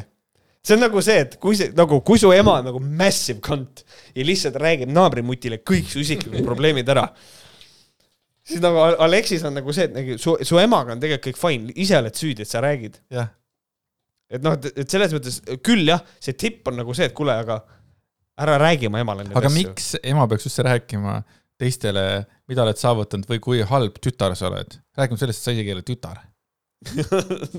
noh, võtame selle, et no ühesõnaga see on, see on, see on naistele kirjutatud raamat ilmselt, sest ma saan aru, see on raamatust mingi asi tal onju. on ju, ei tea, on, on. Ja et, et see on naistele mõeldud raamat, et kui halb tütar sa oled, siis ma ei tea, ma ei tea, see on nagu see naised ka ikka naistele niimoodi keeravad, see on inetu lugu. vanade inimeste, vanadel inimeste, okei okay., ma parandan, ma parandan selle taipo ise ära. vanadel inimestel on harjumus suhelda teineteisega ja arutada teiste elude üle. muide, võtame lause esimene pool. ja mina mõtlen seda, et kas ema peab olema just vana ja, ja mis asi on vana? Mis on vana, kui on kahekümne aastane tütar ja tema ema on kolmkümmend üheksa? kas me nimetame seda ema vanaks inimeseks? et kui tütar ise on ka vana juba. kakskümmend jah? aga veel hullem, kui tütar ei ole vana ja tütar on mingisugune kolmteist ja ema on kolmkümmend kaks, kas kolmkümmend kaks on vana? Aga ta ütleb seda, et vanadel hakkab- inimestel on harjumus suhelda teineteisega ja arutada teiste elude üle. mitte ainult vanadel inimestel. kõik inimesed maailmas arutavad nagu äh, suhtlevad teineteisega ja arutavad teiste elude üle. teiste elude üle arutlemine on kõik see, mida me üldse teeme. ei ole, saad aru äh,, targad, kuidas see lause oli, see värvides, see, türa, ma olen nii närvi, et mingid targa, aa, oota, targad inimesed äh, räägivad, arutlevad ideede üle ja mingi lollid inimeste üle kes? ütle üks, kus, ma, ma tahaks Tar... näha, kuidas need ideed lihtsalt tulevad, targad ainult istuvad ja arutlevad ainult ideede üle, ilma et ühtegi inimest puudutaks kusjuures, aga, aga ei oot, see mõte iseenesest on tegelikult nagu hea. ilus et, mõte. et see mõte on hea, et intellektuaalsed inimesed arutavad ideede üle mm -hmm. ja samal ajal kui siis madalamad arutlevad inimeste mm -hmm. üle. aga siin ongi nagu see, et ju meil on ju kommentaaridesse on tulnud minu pihta on tulnud ju kommentaar, et mina ka nüüd räägin ainult inimestest mm, -hmm. aga ma räägin inimestest, mille taga või nagu ma räägin ideedest, mille taga seisavad need ja need inimesed mm. -hmm. et nagu selles mõttes küll jah, et kui me oleme kui me räägime ideedest, siis me räägime ka mingitest inimestest alati, et selles mõttes. absoluutselt, ma, ma toon ka, kui isegi sellised jumalakartlikud härrasmehed nagu Markus Järvi ja Varro fucking Vooglaid istuvad ja räägivad, noh, mingitest asjast ja nimetavad Kaja Kallasest, siis on juba kõik läbi ju, siis nad juba räägivad inimestest, siis ja. nad juba on nagu rumalad ja, ja siis ma tahaks näha seda ühte, ühte tarka, ühte tarka vestlust või vestlusi, mis kestavad rohkem kui kaks minutit, mis räägivad ainult ideedest, siis ainult genereeritakse ideid, ilma et ükski inimese nimi või, või mingi asi tuleks sinna vahele. anna mulle üks fucking, üks noh. et see, see, see on nii loll lihtsalt ja ma olen nii närvi selle peale ja siis on sinna alla veel kirjutatud ka, et, et selle kirjutas, kirjutas mingisugune Aristoteles, mingisugune neli sajandit enne meie kuradi aja arvamist. käi putsi nojah, sellepärast. me ei tea seda, et tema kirjutaks ja te kirjutas seda või ütles seda ja teiseks ajad on muutunud Boom, boom, ajad on muutunud. nüüd räägivad targad inimesed ainult inimestest. just, ja ainult lollid räägivad ideedest, mis ideedest sa räägid, noh? kuidas, kuidas, kuidas, kuidas, kuidas aborti kuradi keelustada või? Fuck you, sina see, kes sa sellest räägid, noh. oh aga siiski, kui T-särgi peale keegi tahab mingisugust lauset, siis võtke lause esimene pool. vanadel inimestel on harjumus suhelda teineteisega. see mulle läheb. see on nii armas ja tegelikult vanad inimesed on ju need, kes on rohkem üksinda. tegelikult vanasid inimesi oleks vaja rohkem kokku viia mm. -hmm just. vanad inimesed räägivad tegelikult palju vähem. meil on ju olemas sotsiaalprogrammid, kuidas on nii-öelda need laenutatud vanaemad, et ongi mingid noored saavad kokku. täiega cute. võtame laenutan ühe vanaema endale mingiks pooleks päevaks ta teeb mulle pannkooki, räägib sul... mulle sõjalugusid. Ja teeb mulle pai juustust mina just mõtlen, laenutad endale vanema, vanema tuleb, teeb sulle pannkooki, siis räägib sellest, miks on okei okay N-wordi öelda saad aru tegelikult on ei, nii. no kas see on nagu osa vanaemaks olemisest see on nagu, see on üks asi, mida mina olen, ma avastasin mingid oma kunagi mingid stand-up'i note'id ja, ja siis ma leidsin sealt siukse, siukse mõtte. et nagu vanad inimesed on nagu need, kes ütlevad, et ei, ei, ei, mul on internetipank on mul koduses arvutis.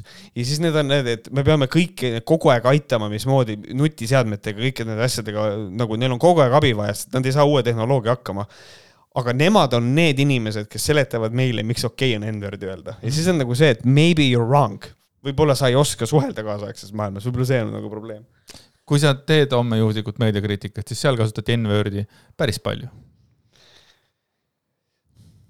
kakskümmend üheksa juuni, kolmapäeviti. mis ta nimi oli, kes oli see Eesti, Jüri Vips oli see, kes cancel das ennast ise. ja, ja tegelikult meediakriitikas öeldi ka seda, et Roosa Andri Kiige ütles seda, et temale, temale ei meeldi selle pär-, tähendab, et, et roosa vastu ei ole tal sellepärast midagi, et see on nagu geide värv, vaid talle ei meeldi sellepärast, et see on siuke tüdrukute värv. täpselt, printsiip on ju täpselt sama. ei, see on, vaata nüüd ma sain, nüüd ma sain, ei, aga nüüd ma sain teada, mis on konservatiivsetel meestel veel vastikum kui homoseksuaal, see on naine see on, aga see on nagu klassikaline homofoobia ju, sest et eh, roosa on tüdrukute värv ja kui mees kannab tüdrukute värvi, siis et tema ei saa roheli, või seda rohelist, tema ei saa roosat kanda, sellepärast et siis võib-olla keegi teine arvab, et ta on gei.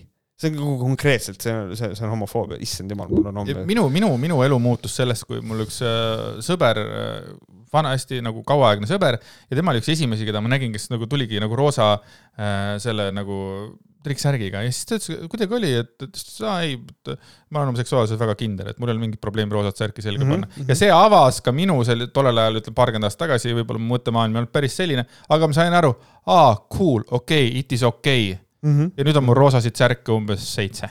yeah sul oli seda vaja, et saada see lüke? ei, aga oligi mm. -hmm. ei no see ongi niimoodi. mul on nagu väga hea meel, et see. Influencer'id. jaa no., täiega. vahest ka noored emad arutavad omavahel mänguväljakutel või foorumites miks Oma- mänguväljakud ja foorumid, miks just need? oma kas kas, kas Aleksis arvab, et nagu äh, noored emad istuvad ainult mänguväljakutel või foorumites, et see ongi nagu kõik all that mothers do või? ta tõi kaks näidet, Andres. minge perse, miks just need, see on ka seksistlik veits või?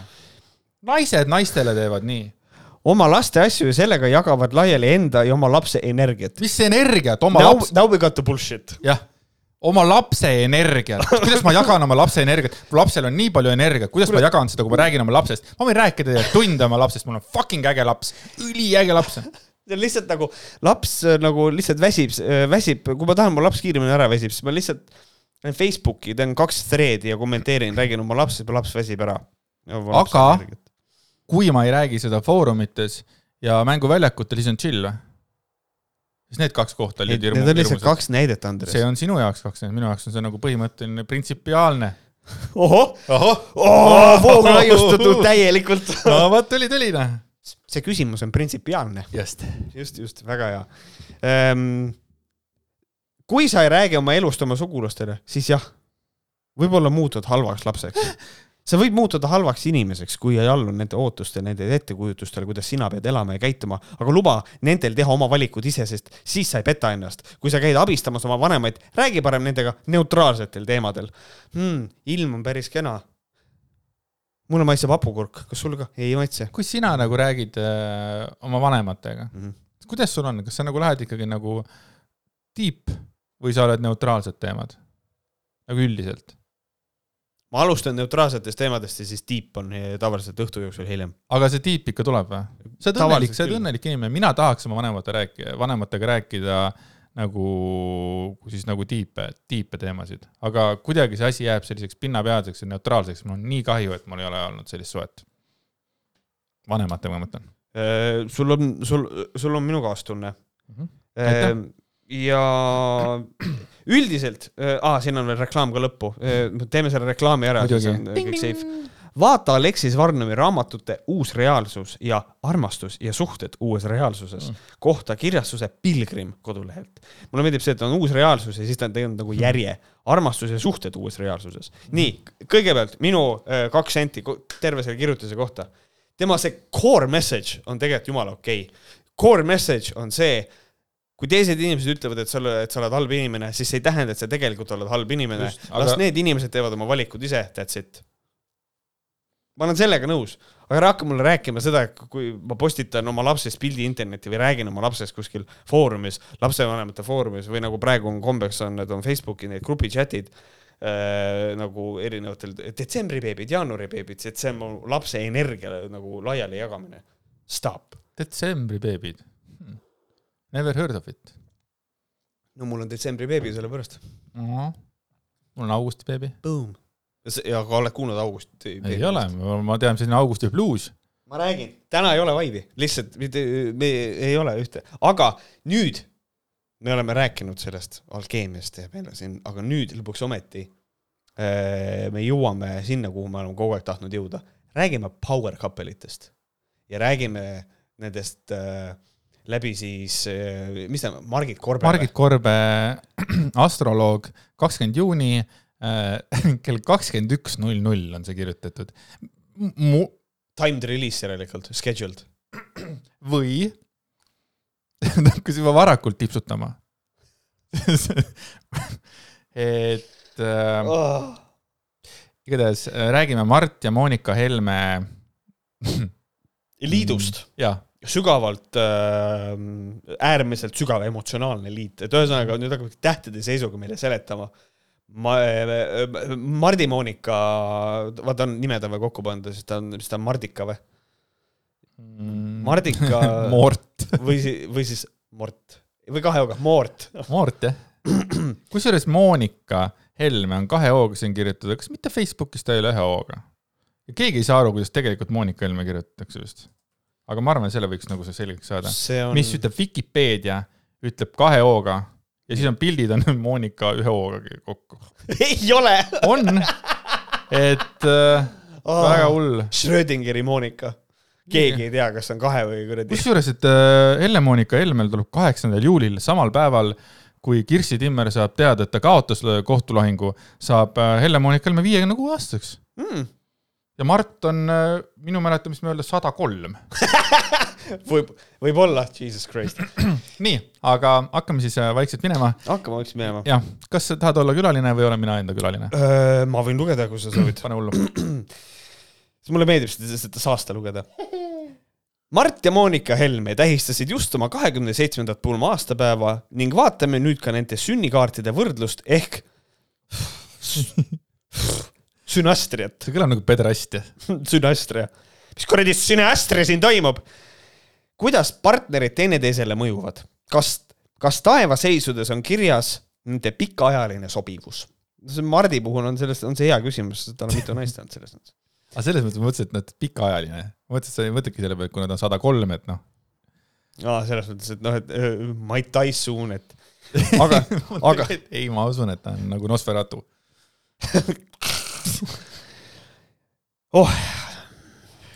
lihtsalt ma näen seda lauset ja mõtlen, et nii, ma loodan, et te kõik kuulate hoolega, sest see tekst on väga sügav. ja jätke meelde, võhkarid tegelevad ainult päevakajaliste asjadega ja ainult tähtsate teemadega. me ei tulnud siia mingit lolli nalja tegema. suvi on ka, andke meile andeks, aga Mardi päike on skorpionis. Monika päike on vähis ja kummagi kuu on kalades. me oleme jälle selles samas küsimuses, mida me kunagi küsisime. et nagu või noh, mina teadsin ja sina teadsid, et on olemas üks päike, jah, üks kuu. üks päike, üks kuu. aga nüüd tuleb välja, et Mardil on oma päike. Monikal on oma päike, üks on, üks kuulab Scorpionsit ja teine on mingi väis. Ja siis on veel kummalgi on veel kuu ja need on kalades. ja, aga minul tekib ju küsimus, kas tähtkujud on ka niimoodi, et on nagu, et üks kuulab The Scorpionsit kogu aeg, kas tal on oma The Scorpions või? tal võib olla. et see on siuke, vaat nüüd mul tuleb siuke Kris Kala vibe peale, et nüüd lähme nagu kvantfüüsikasse. kui mina kuulan The Scorpions, siis kas ma kuulan samat The Scorpions, mida võib sina? juhtuda, ikka ei kuula, sellepärast et Bonnie M oli mingi aeg, oli neliteist tuhat erinevat Bonnie M oli maailma peal laiali et sama võib ka tegelikult olla Scorpionsiga, sest Wind of Change on ikkagi nagu laul, mis nagu kestab nagu igavesti ja Still loving you. on ju? tuleb sul veel mõni meelde? jaa äh,, äh, ei, ei tule.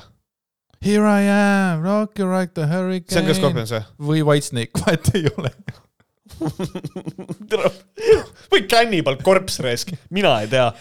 nii, ja nüüd ei, ma usun, et Scorpionsil on erinevaid koosseise. aga nagu tähtkujud on ka, et kui mina olen sündinud kaalude tähtkujus, siis minu kaalude tähtkuju on sama, mis teise inimese kaalude tähtkuju. vot, Korbe, need on need tähtsad küsimused, millega tegeleda. me teame, et Posti, Postimehe nagu ajakirjanik kuulab meid, et äkki Margit Korbe paneb ka Märdile kaarte. jah, ta võiks panna mulle kaarte ja et ma saaks öelda, et Margit Korbe kaardid on mu uraanuses. jaa. jätkame, kes vähegi mõistab astroloogiat, mina ja Märt. at this point tead, ma isegi ei tea enam, ma arvan, et mitte keegi peale Korbe. mida sa ajad, me oleme niivõrd palju paremaks saanud. Kes vähegi mõistab astroloogiat, see saab juba aru, et nende kahe vahel on võimalik väga suur harmoonia nagu hold the phone, nagu ütleme, et need inimesed on päriselt olemas. lihtsalt ma korra role play in seda ja siis Davai, sa nagu saad aru. inimene loeb, Mardi päike on skorpionis, Monika päike on vähis ja kummagi kuu on kalades. muidugi. ja, ja nagu kui nende palju kahel on võimalik väga suur harmoonia, aitäh. See on see- lolli tulnud kohe selle peale. õige, oleks, oleks ma seda enne teadnud. Kui need kaks kokku saavad, siis üldiselt nad enam lahku ei lähe. üldiselt. üldiselt jät-, nagu jätame selle väikse nagu leeway sinna sisse, et juhul kui, aga nad ju läksid lahku, no jaa, see on üldiselt, jah, üldiselt ei lähe. selles mõttes jaa. siinkohal on öö, sobilik meelde tuletada, et Margit Korbe saab täitsa normaalset öö, palka öö, selle asjas, mida ta kirjutab Mhm. oh,. Nende side voolab sügaval pinna all, emotsionaalsete juurte tasandil. Nad kasvavad kokku. Nendest saavad siiani kaksikud. see oli see oli nüüd minu lisand, eks. jalgade, jalgadeni on mingi mulla sees ja kas on. I m a, I m a tree. kummagi valguskehad, kuu ja päike, moodustavad koos veemärkide kolmnurga. see on väga siduv kombinatsioon. seda ma arvasin. jah, kusjuures, kui Jah. öeldakse, et noh, et öö, kuu ja päike, siis ikka noh, miks nad muidu on äh, eraldi aegadel? True. side on ju ja nii siis, tugev ja. siis tuli Tanel Padar oma lolli eh, nagu avastusega, et kuu on päike. jah, ja siis ma. mida vittu see tähendab üldse Margit? Korve võiks kirjutada sellest, nendest laulutsõnadest öelda, et miks see kõik vale on. jah. jah, emotsionaalsel tasandil on nad hästi sarnased mm, ja ilmselt mõistavad teineteist poolelt tundelt. jah, et see tunne on nagu, ta ise ei tea, mis tunne veel on, teine, et, et mul on mingi tunne peal ja juba Mart, juba nagu poolelt tundelt nagu. käratab üle Riigikogu sari, ma saan aru. et eh, aga kas tunde, kas tunded ei, kas tunne kuidas, saab kuidas, ta poolik saab see tunne mis asi on? poolik tunne? ma tunnen ennast, aa võib-olla ongi, et ma tunnen ennast rõõmsalt, see ongi nii nagu, nagu Silvester Stallone, et üks suupool nutab, teine naerab.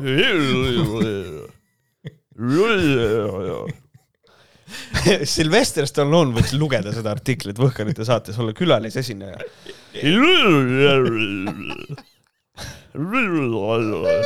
South Parkis üks parimaid sketše oli nagu see, kus, mitte sketš, vaid stseen, kuidas Sylvester Stallone tuli nagu South Parki ja ta, ja tal oli tõlk kaasas. siis oli lihtsalt, ja siis ta oli lihtsalt. ja siis Mr Stallone says that he wants to see, nagu konkreetselt käis tõlgiga, minu arust see on nii hea nali nii armas. oh,. nii ähm,, aga ikkagi küsimus on see, et kui, kui Eesti muusikaklassika, nüüd äh, Andres seda kindlasti on nagu väga hindab, laulab nii. kuum on tunne, siis see on juba täistunne, et nagu poole tunde pealt juba saad, saadakse aru., alguses laul oli ka, algus on leig, leige tunne. aga ka leige tunne ei ole pooltunne ei. ole tõesti. see on ju, see on kuidas see ju, on asi on pooltunne? Margit kirjuta võhkarid.gmail.com, mis asi on pooltunnet? jah, et see on, ma ei tea, okei okay.. Ega inimesed sellest väljaspool aru saagi, kuivõrd sügav ja maagiline on nende omavaheline side, aga see tõepoolest on. see on huvitav, sest et tundub, et hoopiski Margit Korb on Nosferatu, sellepärast et inimesed ei saa sellest väljaspoolt aru, aga Margit saab. tema saab, tema ei ole inimene, mul on teooria, miks. sest ta on astroloog. ei, Margit Korbe on Mardi ja Monika tunne. tema ongi see Jaa. poolik tunne. Margit Korbet ei ole tegelikult olemas, ta on tunne. kusjuures see võib olla, et Margit Korbet ei ole olemas, sest tegelikult äh, linnapea räägitakse, keegi ei ole kunagi näinud Margit Korbet. ta laud on tühi, see oleneb, millises linnas sa elad, ta teeb kaugtööd järelikult. aga keegi ei olegi näinud. jah, et ta on tegelikult tunne ja ta oli, pool oli ainult Margit, Korbet veel ei olnud. ja siis juba. ta oli kõigepealt, ta oli Marr. Ma-, Mar ah.. nii, kuhu me, kuhu ma nüüd selle kuradi hullusega jäin? Nad on, nad mõlemad on teineteisele pelgupaigaks karmi maailma eest. Nad See- on ise karm maailm. Nad on, esiteks nad on ise karm maailm aga aga tegelikult ma ütlen ausalt, see on armas lause. olen seda varem tihti maininud, et pikaajalistes suhetes on tõesti, tihti maininud. ma olen seda varem tihti maininud, et pikaajalistes suhetes on äärmiselt tähtis roll Chironil, haavatud tervendajal. vot, no see on nagu spitting facts. see Chiron on küll, ma suren ära. kuidas Eestis on räppar nimega Kirot? kas ta on haavatud tervendaja?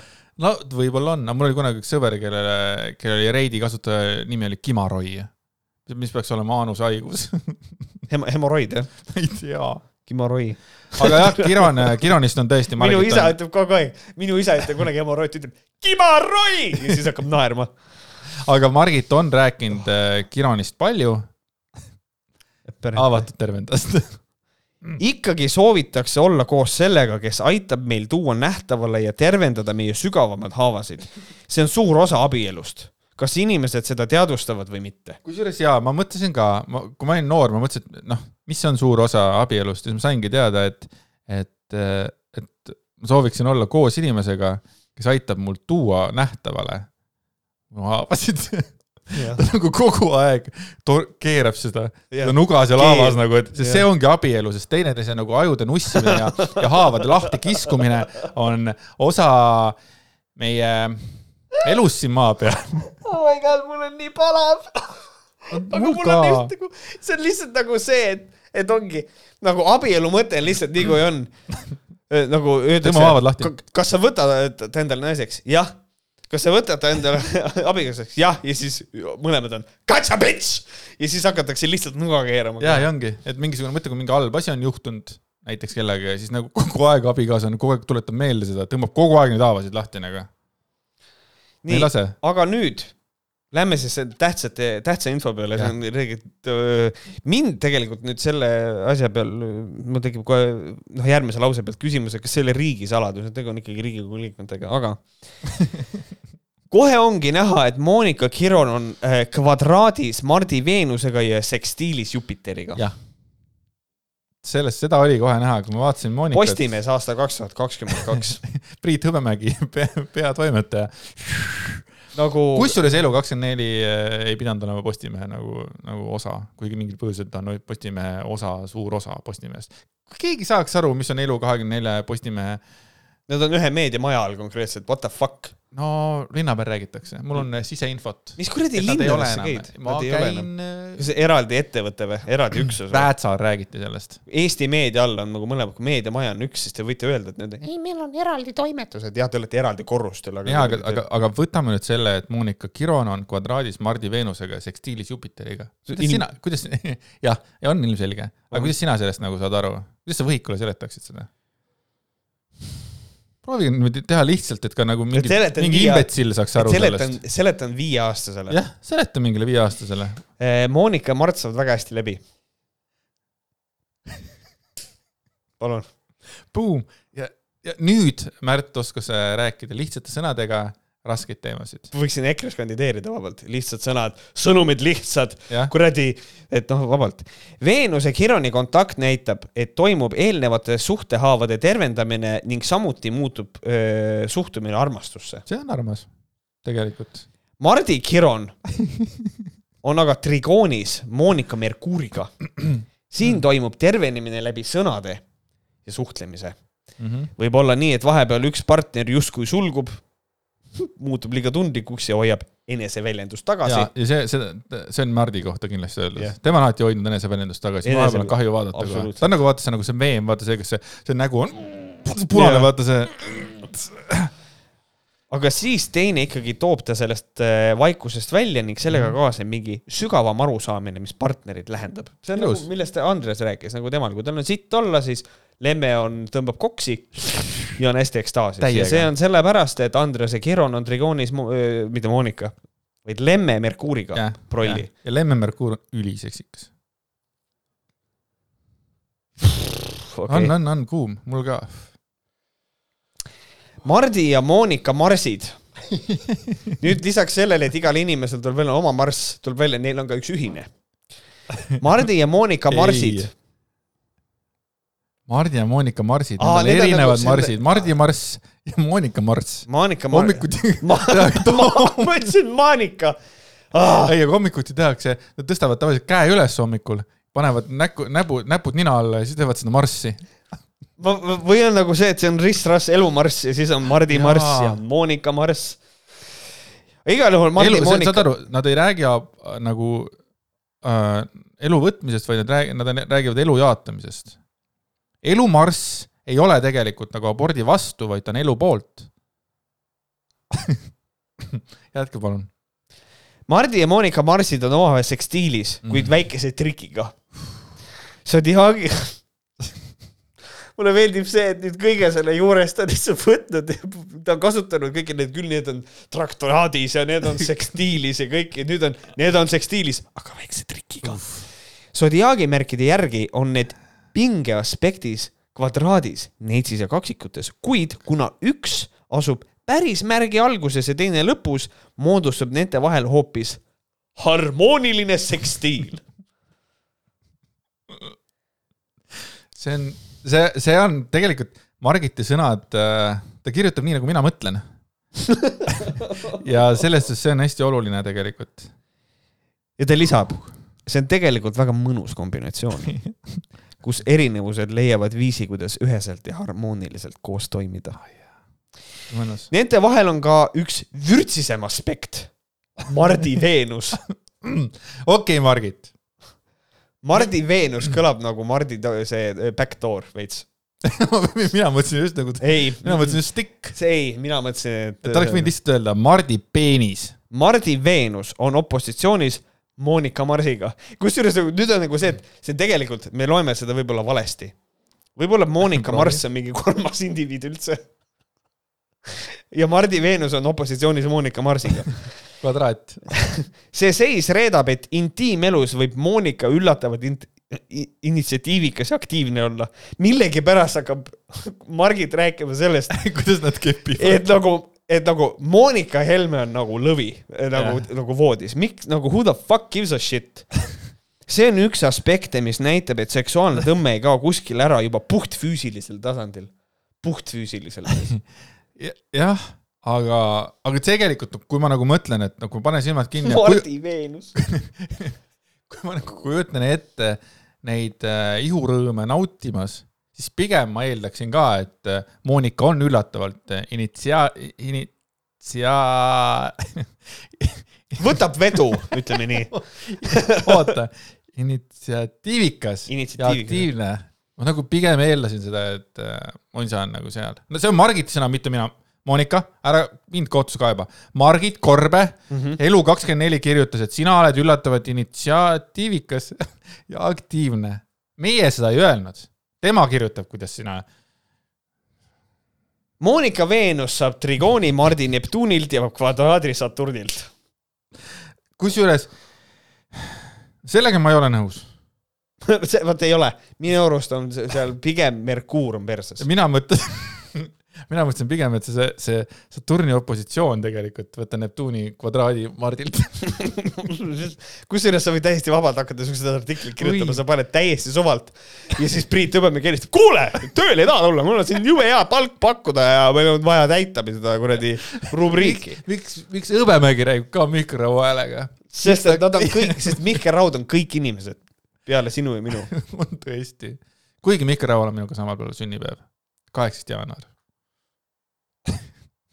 Weird flex, but okei okay.. ma olen seda varemgi kas, aga kas sa selle, peale? ja no see keegi ei pane tähele, aga sa selle peale ei ole mõelnud, kuna te olete sündinud ühel kuupäeval, siis äkki Noh. teil on ka mingid sekstiilid ja kvadraadid? kindlasti on, meie No. tekstiilid on väga, meil on samasugused äh, soengud. meil on äh, peenis, suht sama, suht sama inimene. PM sama jah. Monika, ma loen igaks juhuks uuesti, sest et äh, järgmine lause on oluline. Monika Veenus saab trigooni Mardi Neptunilt ja kvadraadi Saturnilt. see näitab, et tema naiselikkuses ilus on arma, on armastamise vii- ja see, see näitab, et tema naiselikkuses il-, nai-, täitsa perses, I m done. see näitab, et tema naiselikkuses ilu aa, tema naiselikkuses, ilus ja armastamise viisis on midagi sellist, mis äratab Mardis tema sisimad unistused. Nad on abielus, fuck sake, loomulikult inimene meeldib talle. tegelikult nagu ei ole üldse ilus rääkida sellest, kuidas nad äh, nussivad. Mart näeb Moonikas, aga armastamise viis on tõeliselt ilus asi, kuidas öelda. sulle ei meeldi armastamine, aga kas armastamine ar,, armastamise viis on parem või? ma arm... lähen, mina, mina näen, et ma lähen teen oma naisega armast-, armastamise viisi. pauk nikku ja magama. ei, mina leian, et ta- armastamise viis ei tähenda keppimist üldse. tegelikult või? see näitab, et tema naiselikkuses ilus ja armastamise viisis Ja on midagi kuidas- sellist, mis äratab Mardis tema sisimad unistused. jah, et see, kuidas Monika armastab Marti, siis Mart tänu sellele, noh, näeb, mina loen seda teistmoodi tahaks. olla president, noh, sihuke. ta hakkas korda ise häälega rääkima. Mart näeb Moonikas küll oma naise ideaali. selle seisuga on praktiliselt võimatu mitte andestada, mida andestada, kuna see manab silme ette alati oma partneri kõrgema versiooni. ma ei tea, kas sa, kas sa oled Ultramani vaadanud või nagu millest sa räägid, mis kuradi, see on nagu mingisugune, mina olen level viis abikaasa. lisaks inspiratsioonile tekib Mardil Monika kõrval suurem soov unistusi realiseerida aus. Siis ta aga muutub järsku tõsiseks ja mingil hetkel võib Monika olla segadus, et kuhu kadus see tundlik ja romantiline Mart. ja tundlik ja romantiline Mart on see, mida me oleme näinud. jaa, absoluutselt. terve aja Monika ütleb, kus sa, kus sa kurat kadus. paistab, et mõnikord võib Mart sügaval sees kahelda, kas ta suudab Monikale kõike pakkuda, mida unelmate naine vajab. ja ei, sügaval sees saab ikka, võib kahelda vahepeal. Mardi Saturn, mis väljendab pühendumist, kindlust, stabiilsust ja struktuuri, on Monika planeetide poolt väga tugevalt aktsepteeritud. palju Monikal on planeete, huvitav? lisaks eelnevalt toodud kvadraadile Monika Veenusega on Mardi Saturn täpses ühenduses Monika Uraani Pluto ühendusega ja sekstiilis Monika Päikese Jupiteri ühendusega. Mardi Saturn, noh, ja nüüd ütle nüüd, et ma ei saa tõmmata jooni, kui ta ütleb, et Mardi Saturn on täpses ühenduses Monika Uraniga ja siis ta ütleb mulle, mina olen nagu rikutud või? oh,. Neid seob tugevalt nii põlvkondlik aspekt, Mart sümboliseerib Monika jaoks peaaegu isafiguuri või autoriteeti, kus sa võtad seda ja see loob stabiilse baasi Monika kõige rahutumale transformatiivsele poolele. kas ta elab nendega koos või? Monika Päikese Jupiteri ühendus on kvadraadis Mardi kuusõlmede, nüüd türa, meil on kuusõlmed ka oh,. kvadraadis Mardi kuusõlmede ja Neptuuniga, mis räägib väga tugevast karmalisest sidemest.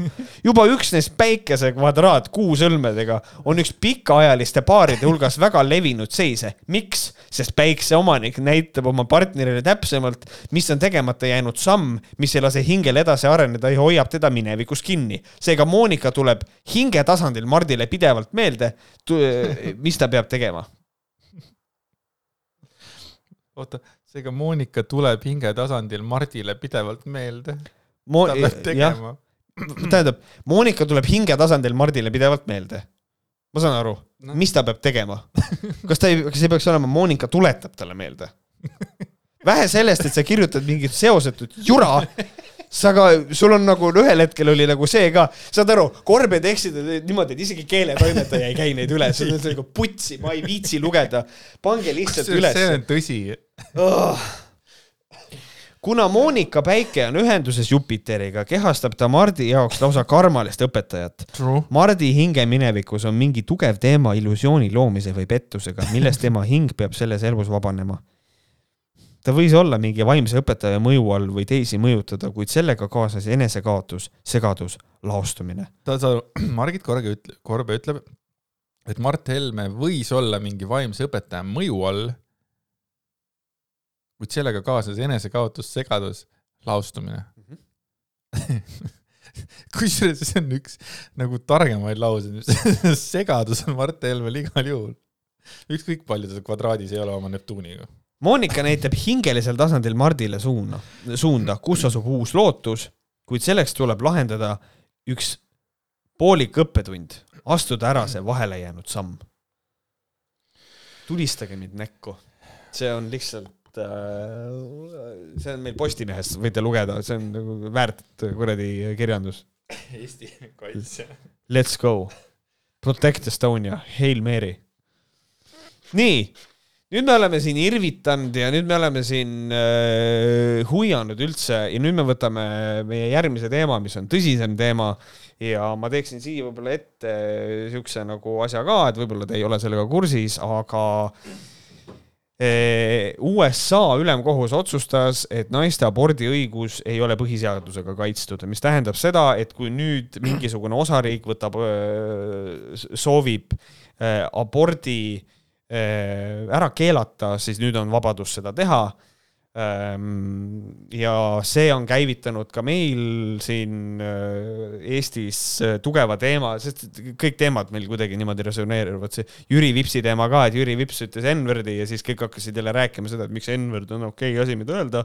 nägid seda, kus Postimehes tehti selles mõttes nagu oli challenge või?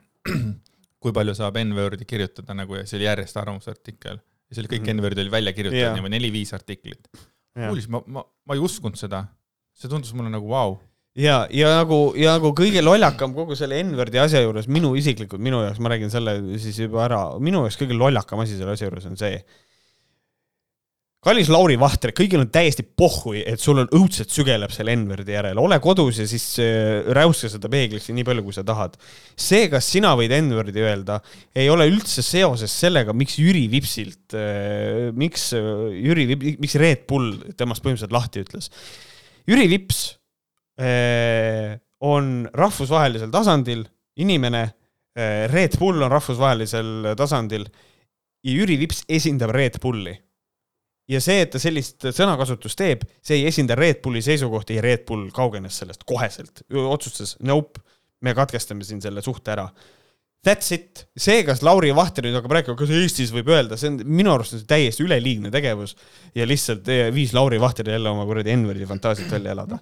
kuula ja vaata meediakriitikat, seal räägitakse oma juttu veel rohkem. oh, oh no aga see abordi teema siis samamoodi on nüüd meil ka jälle üleval ja minu arust, ma annan oma lihtsa seisukoha, minu jaoks on kogu abordidiskussioon lihtsalt cringe. mina ei saa sellest aru. mina mehena leian seda, et kui naine otsustab, et tema ei taha last kanda ja ta teeb aborti, siis tal on õigus seda teha. minu arust kõik ülejäänud asjad on lihtsalt minu arust cringe. ja, ja nüüd jõuame siis artiklini ka Kertu Kirjanen. aasta kaks tuhat kakskümmend üks, eh, aasta parim ajakirjanik. Siis Võhkarite siis valik. tema tegi siis Facebookis Just, postituse ja tahaks selle lugeda otsast lõpuni ette ja mõtleme koos läbi selle asja. minu keha, minu otsus või kas ikka on? mõned päevad tagasi kaotas USA ülemkohus õiguse aborti teha, mistõttu keelustatakse enam kui pooltes osariikides abordid. taolise õiguse keelamine ei lõhesta ainult USA ühiskonda, vaid tervet maailma laiemalt. olen viimastel päevadel märganud, et abordi keelustamisest rääkides kasutatakse palju nii-öelda vägistamise vaatenurka. naised ei vali aborti, aga vaid väli, vägistamise tulemusel. kuigi abordi tegemise põhjuseid on palju ja ma ei tahaks raisata aega, et neid üksikasjalikult välja tuua, siis nimetan ikkagi mõned, et ka ühiskonna vähem empaatilised liikmed suudaksid paremini selles maailmas orienteeruda. näiteks aborti võib soovida naine, kui lootel esineb väärareng. samuti võib rasedus ohustada naise tervist. aborti võib soovida naine, kes teab, et on vägivaldses suhtes või kel pole majanduslikult võimalik last üleval pidada ning mõnikord võib naine lihtsalt last mitte soovida. väike brunch ja siis abordile üks kindel grupp inimesi äh, väidab rusikaga rinnale pekstes, et nemad teavad täpselt, miks naised aborti teevad ning miks on see üks suurimaid patte? Nad maalivad pildi, mis äh, karjub, et aborti sooviv naine on hoolimatu, ükskõikne pidutsemisele või veel hullem, karjäärile orienteeritud, lõdvapüksikummiga mõrtsukas. okei okay,, Jaak, aga mitmele aborti soovivale naisele oled sa pakkunud, et kasvataksid ise tema lapse üles? mitte ühelegi? selge. Äh, meil ei ole kunagi võimalik näha teise inimese sisse ja teada, mida ta tunneb. väita, et abort on midagi, mida naised teevad brunchi ja jõusaali mineku vahel see on lihtsalt alatu, solvav ning kitsarinnaline. see ei ole kunagi lihtne otsus. Endast eriti lugupidavad inimesed väidavad muidugi, et nende tutvusringkonnas ei ole küll ühtegi inimest, kes oleks kunagi aborti teinud. tõde on see, et keegi ei ole neid kunagi piisavalt usaldanud, et neile sellest rääkida. samuti on äärmiselt kurb näha, et Eestis ei ole seksuaalharidus äh, puudulik mitte ainult teismeliste, vaid ka täiskasvanud inimeste seas. võib-olla oleks palavalt vihatud Rita Holm pidanud ka Riigikogus või Europarlamendis mõned laulud laulma, et härrad saaksid teada, et naine ei ole võimeline üksinda järglasi saama.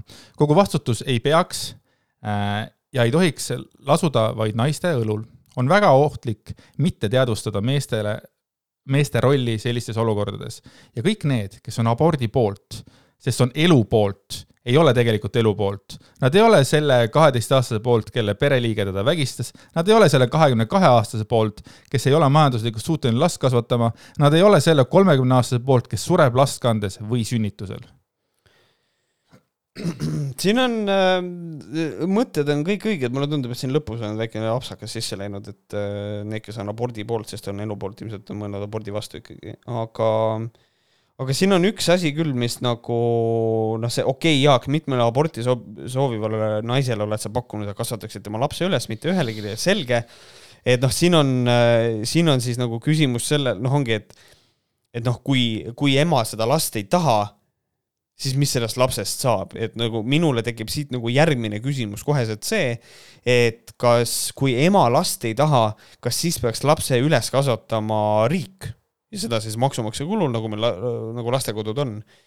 ja, ja et noh, mis, nagu kaudses mõttes maksumaksja raha eest, et see noh, ikkagi ka Jaak kasvatab seda last ülesse tegelikult, sina ja mina kasvatame seda last ülesse. ja siit tegelikult äh, me... no ikkagi rahaliselt, me ei kasvata ikkagi nagu päriselt üles seda.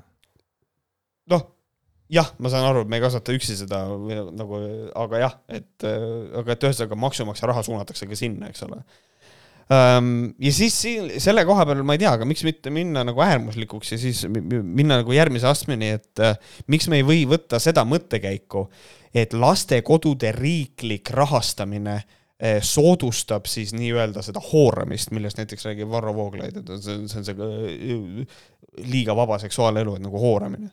et kas lastekodude rahastamine ei soodusta hooramist? et siis on niimoodi, et kuna mina last ei taha, aborti teha ei tohi, siis ma saan lapse anda lastekodudele ja siis ma võin edasi hoorata, mis tähendab seda, et lastekodud täituvad lastega kogu aeg.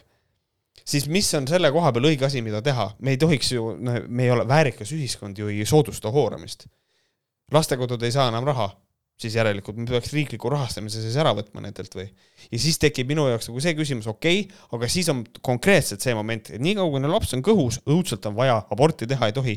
kohe, kui välja läheb, siis on pohhui, vaatame ise, kuidas saab. mis on tegelikult juba siiamaani, minu arust see on juba praegusel hetkel teatud nagu meelel on meile tundmus. või naistel on õigus aborti teha, et meie maailmas ei oleks inimesi, kes on sunnitud elama lastekodudes öö, et meil oleks sündimus väiksem, et meil oleks ressursse jaguks rohkem planeedil Maa. et minu jaoks on nagu see abordi nagu keelamine minu arust täiesti absurdne, ma ei saa sellest aru. ja seda, seda veel siit edasi minnes ka minul nagu tekkis, puht nagu, nagu Varro Vooglaiu peale mõttes, et asi, mida tahaks nagu Varro Vooglaiul küsida, on hüpoteetiline olukord. sünnib laps ja on kaks varianti, mis võib juhtuda. ema teeb selle lapsele abordi või see laps sünnib, mitte keegi ei armasta teda. Äh, ta ei tunne mitte ühelgi eluhetkel, et teda on tahetud. Äh, seeläbi on temal igasugune madal motivatsioon, tema ei paku kellelegi ise ka midagi, sest et ta, ta üritab iseendaga hakkama saada, ta ei saa ja kui ta on teismeline, siis ta sooritab enesetapu. kristliku loogika järgi, kumb on parem variant? Ja minu loogika ütleb, ma ei ole küll kristlane, aga kristlik loogika ütleb mulle, et abort on parem. sellepärast, et eh, kui inimene, ma tahan, ma tahakski küsida, kristliku loogika kohaselt, kas abort, kui eh, tehakse abort, siis kas selle lapse hing läheb taevasse või? kas ta saab paradiisi või? sest kui sa teed enesetappu, siis sa ei saa paradiisi. Ma tahaks nagu täiega nagu, nagu teada nagu sellise Äh, kristlase vaadet nagu just nimelt nagu sellisele olukorrale ja siis sealt saab juba edasi minna seda, et no jaa, aga aga mis siis on abordis väga, nagu niivõrd halvasti, kui sel, kui sel, kui see sündimata laps pääseb paradiisi, aga abort jääb ema hingele, siis aga selle eest vastutab ema, meie ei pea ühiskonnana ju sellesse sekkuma ju. Et nagu minul nagu tekib nagu hunnik nagu selliseid küsimusi, mina ei, mina ei saa sellest aru, miks on niimoodi, et kui sa oled nii suur abordivastane, jaa, aga ära tee aborti siis. Mul on nagu it's that simple, ma ei, ma ei saa sellest aru. et kui sul on nagu tõekspidamine, siis jumala eest ela selle järgi, aga see ei tähenda, et teised peavad niimoodi elama. Mm.. olen kõikide nende mõttega täielikult nõus aga noh, see on vana hea see, nagu siin tegelikult Kert ka ütleb, et Kertu ka ütleb, et, et see ei ole päris niimoodi, et naised nagu vastutavad üksinda, et siiski nagu ka lapse tegemiseks on vaja kahte inimest. ja kui kristlastel omakorda on tohutu probleem sellega, et kasutage, et kummi ei tohi kasutada, seepärast et see on äh, lähim äh, samm äh, homoseksuaalsusele, eks ole. et siis äkki. mitte küll kõik kristlased, eks ole. noh, tead, siin on mõned väga tugevad, eks ole, et siis nagu seksuaalharidus, eks ole, ja tegelikult ikkagi, kui mees äh, viljastab või siis laseb sisse, siis äh, miks räägitakse sellest, et naised hoidke jalad koos? äkki siis äh,, aga noh, meestest ei räägita üldse, et mehed, ärge äh, keppige, kummita naisi või, või mida iganes, ärge nussige ringi või, ja kõik on pööratud täielikult nagu naiste nagu nagu naised vastutavad võt, kõige eest. vot ja see millegipärast, noh, see on see, noh, see on nagu täielik, täielik seksism selles mõttes, et äh, kuna naisel on äh, nii-öelda praeguses, nagu me üritame öelda, et noh, naisel on nagu õigus teha see otsus, siis millegipärast öeldakse naisele seda, et hoia jalad koos mm. -hmm. mitte mehele, et hoia munn püksis. jah, et nagu selles mõttes, et vähemalt. aga äh, ennast rahuldada ka ei tohi mehed, nagu. no ongi. Et... igal juhul kõik on nagu, nagu keegi ei tohigi midagi can't teha. Win. jaa, can't win täiega. see on lollakas. ja siin on nagu mulle meeldib, millele Gert juhib tähelepanu, endast eriti lugupidavad inimesed väidavad muidugi, et nende tutvusringkonnas ei ole küll ühtegi inimest, kes oleks kunagi aborti teinud. see on väga hea tähelepanek, sellepärast et kõik need inimesed, kes seda väidavad, are talking out of their ass Nad ei tea, millest nad räägivad, kas nad on teinud, ma tegin see näidispostituse ka nagu, et hei Facebook, kirjutad Facebooki, hei Facebook, tahtsin teada, kes mu tuttavatest on aborti teinud, et kribage alla kommentaarides, oleks põnev teada. et sa ju tegelikult ei tea, et see on, see on siuke klassik see, et kuna mina isiklikult ei tea ühtegi inimest, siis järelikult minu tutvusringkonnas selliseid inimesi ei ole.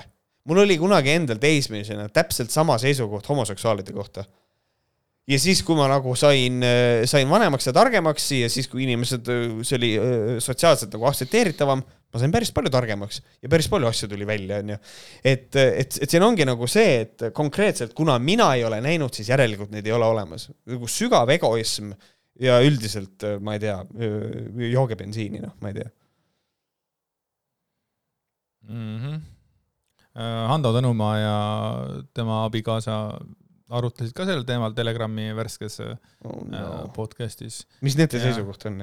no Mariann äh, on väga tugevalt nagu selles mõttes nagu abordi poolt, tema, tema ikkagi selgitas oma neid, neid asju ikkagi nagu mm -hmm. kenasti ja hakkas seal isegi natukene nutma, eks ole, ja et maailm on hulluks läinud. aga Hando arvab samamoodi nagu meie, aga Hando on, ta on lihtsalt äh, ta on lihtsalt sihuke idiootlik inimene, et ta nagu rikub ära kõik seal oma mingi robustsete mingite väljenditega, see on nagu, et et ja umbes, umbes, mis inimesed on, kes keelavad ära, okei okay,, kõik cool on ja siis, ei no Eestisse võiks ka ikka tulnud see abordikeel ja siis, et te olete, kas siis ka ei lähe umbes võitlema oma õiguste eest, olete nagu kuradi nende kuradi süst sisse ja, ja siis ta siis hakkab eh, tõmbama paralleele selle äh, vaktsiini ja maskidega ja siis mul oli, okei okay,, fuck you, türa, teil oli, teil oli nagu ilus mõte ja nagu Mariann nagu rääkis ilusasti ja südamlikult oma ja siis te lähete jälle oma maski kandmise juurde. siis mul oli küll niimoodi, minge vittu, tegelikult ka, te hakkate maski kandmist ja nüüd aborti kuidagi võrdsustama.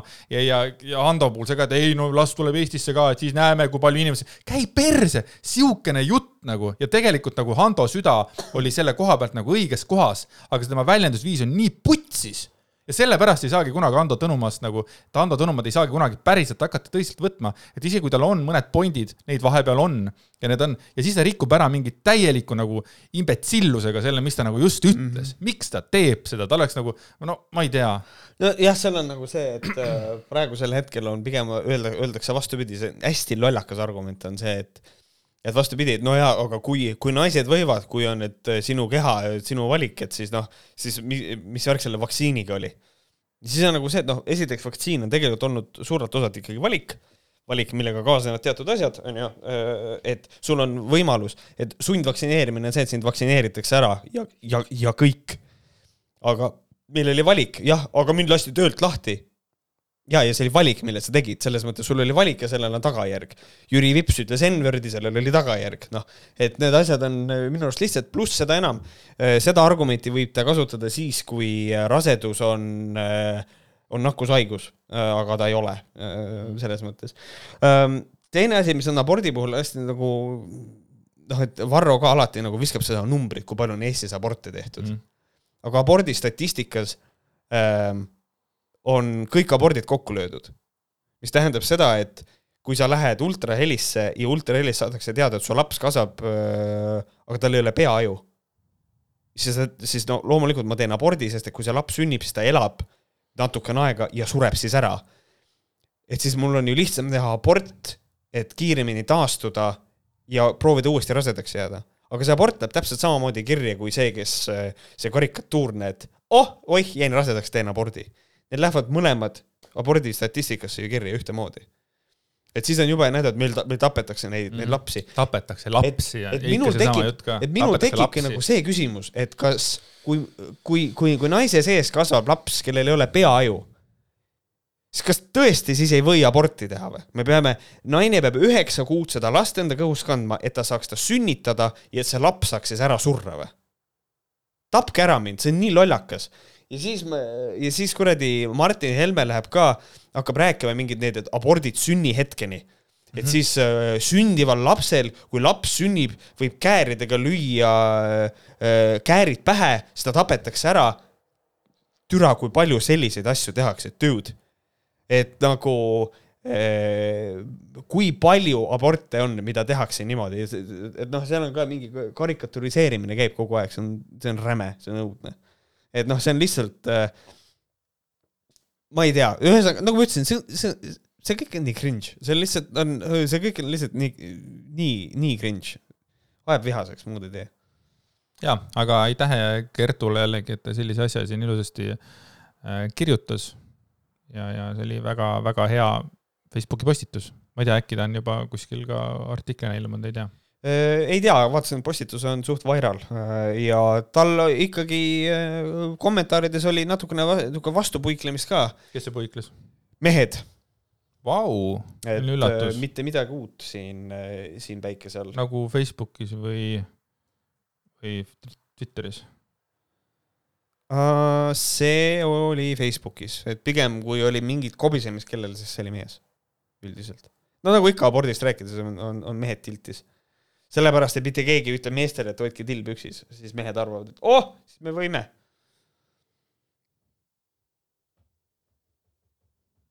ma üritan leida, mida sa mõtled. aga tähendab äh, no siin ka keegi ongi vaktsiinide kohta võib ka siis sama öelda, et minu keha, minu otsus, et noh, seda, niisugune asi on siin olemas, on ju. mm. -hmm. aga ma ei tea, siis niisuguse viimase teemana küll hästi põgusalt äh, võtaks äh, Delfi artikli kaebus kandis vilja, kohus pidas valitsuse piirangut paljaporgandi suhtes õigusvastaseks. et siis Tallinna halduskohus äh, rahuldas viiekümne kuue isiku kaebused mullu kahekümne kolmandal augustil kehtestatud valitsuse korralduse number kolmsada viis ja samuti mullu kahekümne viiendal mail kehtestatud korralduse kakssada kaksteist osas ehk siis äh, vaieldi Tallinna halduskohtus äh, valitsuse piirangute üle ja äh, nõuete vastu ja kohus äh, rahuldas äh, need ja põhimõtteliselt, kui ma nüüd õigesti siit, kui ma õigesti mäletan, siis äh, menetluskulud jäävad ju kaotaja kanda, mida teeb Vabariigi Valitsus, on seitsekümmend tonni seitsekümmend tonni, äh, menetluskulud. ma ütlen korra uuesti, seitsekümmend tonni, seitsekümmend tuhat, ebareaalne. seitsekümmend tuhat, mul oli pangalaen nii suur. ja, ja noh, noh näiteks äh, siin ongi siis Kasia Shakti Shamatailo kohta, kusjuures sa üks saade ütlesid, et see nimi tundub juba nii normaalne. täiesti normaalne nimi, jah. tõi välja, et korraldus häirib olulisel määral tema igapäevaelu, ta pole piirangute tõttu, pole võimalik külastada jõusaale, söögikohti, meelelahutusasutusi, erinevaid üritusi, mis tema kui avaliku elu tegelase ning sotsiaalmeedia mõjuisiga puhul sisu loomisele ja seeläbi ka sissetulekule negatiivselt mõjus. Minu vastus oleks diversify your fucking content. veelgi enam koroona testimine igaks äh, puhuks toonuks talle põhjendamatult suure väljamineku korraldus oleks tavapärase elu jätkamiseks täiendanud igakuiselt viis, viieteistkümne testi tegemist, millele oleks kulunud kokku viisteist tundi ja seitsesada kolmkümmend viis eurot. ja blogija märkis, et kolis korralduse tõttu Eestist ära, kuna ei, ei tundnud enam täisväärtusliku ühiskonnaliikmena. Seda me kõik teame. ja kohus tuvastaski kaebajate korralduse õigusvastasuse osas, milles need nõudsid korraldusele ta-ta-ta, et ühesõnaga Nad võitsid kohtus ja siis nüüd meil on ka kommentaarides on palutud, kas ma nagu räägiks sellest natukene. ja mina tegelikult ma pean selle panema pärast ka meile alla nagu kommentaaridesse artiklina ülesse, sest et tegelikult Eesti Päevaleht tegi ka artikli, kuidas äh, vildakas statistika ja kahtlased järeldused, et piirangute vastane kohtuotsus on täis vääraid väiteid et tegelikult tundub, et võib-olla kohus on siin koha peal veits nagu pläkki teinud. ja, aga nagu ma aru saan, siis see asi kaevatakse ka edasi tegelikult. et mind, mind huvitab järgmine kohtuaste ka nagu väga, et selles mõttes, et äh, minul on nagu see seisukoht, kui kohtuotsus, kui kohtunikud leidsid, et see kõik on okei okay,, said millestki valesti aru, millest on mulle ka jäänud mulje, et see nii oli, siis noh, läks nii, aga eks see selgub siis järgmises kohtuastmes, kuhu ilmselt ka minnakse. ja minu mõte on ka selle koha pealt, et noh, kui nii leiti, siis noh, ju siis nagu seal nii see oli, et ma ei saa hakata sellega vaidlema siin kohtuotsusega, onju, aga kui ma võtan selle kasvõi need Kassio Shakti, Shamatailo mingisugused need põhjused, siis ma pole, see, see, see on, see on nagu haige tegelikult, arvestades sellega, et nüüd me äh, vehime siis rusikatega peale võitlust et nagu miks need äh, igasugused piirangud ja asjad tehti, onju, oli, mina olen aru saanud sellest, et see hirm oli nii suur, kui hull see koroona on yeah,. on nii yeah.? saame õigesti aru, onju? no mina saan nii. Ja siis nüüd hakata nagu sellele rõhuma nüüd tagantjärgi, et, et oh, ma ei saanud kuradi jõusaalis käia ja ma ei saanud söögikohas käia ja, ja mingeid asju, eks ole, et kui meil oli siis nagu tollel hetkel teadavalt nagu surmav viirus, mis nagu järjest nagu muteerus nagu väiksemaks, eks ole mm, -hmm. kuigi inimesed siiamaani surevad äh, Covidi tõttu ja siis mingisuguse vah, et, et see tundub mulle niivõrd äh, idiootne mm, -hmm. nagu mis probleemid inimestel on, et ta ei saa käia restoranis, nagu see oleks meie fucking mingi põhiõigus äh, mingi restoranis käia yeah.. et äh, ma ei, ma ei tea ja siis ta kolis äh, Eestist ära, kuna ei tundnud enda, end täisväärtusliku ühiskonnaliikmena, ta kolis mingi järgmisse riiki, vist seal oli natuke chill im ja siis ta proovis Hispaania. järgmisse riiki minna ja seal, sinna enam ta ei saanud, sellepärast et seal ka keegi ei tahtnud enam teda, sellepärast et tal on Covidi Jah. passi, onju. Mis on ka nagu nii jälle tagantjärgi, et ma kolisin sellepärast ära või? kui tal oleks tähelend, siis ta kaebaks need riigivalitsused ka kohtusse, mina leian, aga vaevalt, et ta seda teeb. aga selles kohtuotsuses endas on nagu naljakad asjad, näiteks niisugune lause, kohus nõustub kaebajatega selles, et haiglaravi koormust ei tekita, et haiglaravi koormust ei tekita mitte isikute nakatumise tõenäosus, vaid tegelik ravil olevate isikute absoluutarv. ehk haiglaravi koormust ei tekita nakatumise tõenäosus. Kuidas on võimalik et kohus sellist, sellise seisukoha võtab. nakatumise tõenäosus peab olema võimalikult madal, sest vastasel juhul on rohkem inimesi eh, haiglas, ehk see absoluutarv tõuseb. ma ei, see on mulle täiesti mõistusevastane, kuidas kohus saab lihtsalt öelda, jaa, ei, this is a good point, ei saa aru. samas ei ole kohtunik, ma ei tea, mis kuradi asjaga nad, ma ei tea, võib-olla meil on meie, meie jurist saab meile kirjutada, öelda, see on sellepärast tegelikult, et, et seal, ma ei tea, igal juhul, et, et ja siis on näiteks teine väide veel. igal juhul tuleb arvestada, et riskirühma kuuluvatel isikutel on suurem oht sattuda haiglaravile, kuid teiselt poolt ei saa välistada õrna immuunsuse tõttu suuremat riski vaktsineerimisega kaasnevale, kaasnevatele kõrvatoimetele. ehk siis, kui sa, kui sul on õrn immuunsus, siis sul on kõrvatoimed suurema tõenäosusega, mis on konkreetne fucking vale sellepärast, et äh, Covidi vaktsiinid ei ole elusvaktsiinid. elusvaktsiinide puhul vastab see tõele. aga Covidi vaktsiin ei ole elusvaktsiin, see ei vasta tõele, see on konkreetne vale. ma ei tea, kuidas see võimalik on. et ühesõnaga, et siin äh, siin on nagu, tekib minul küsitavusi selle kohtuasjaga seoses, et äh, ja, ja üldse, kui meie ütleme, et meie arust on kohtuotsus põhjendatud ja siis on äh, kuskil kommentaaris keegi ütleb, no kohtud teevad vigu ka, siis ma leian, et ka minul on õigus kasutada sama argumenti, et noh, kohus võib-olla ka tegi siinkohal lihtsalt vea.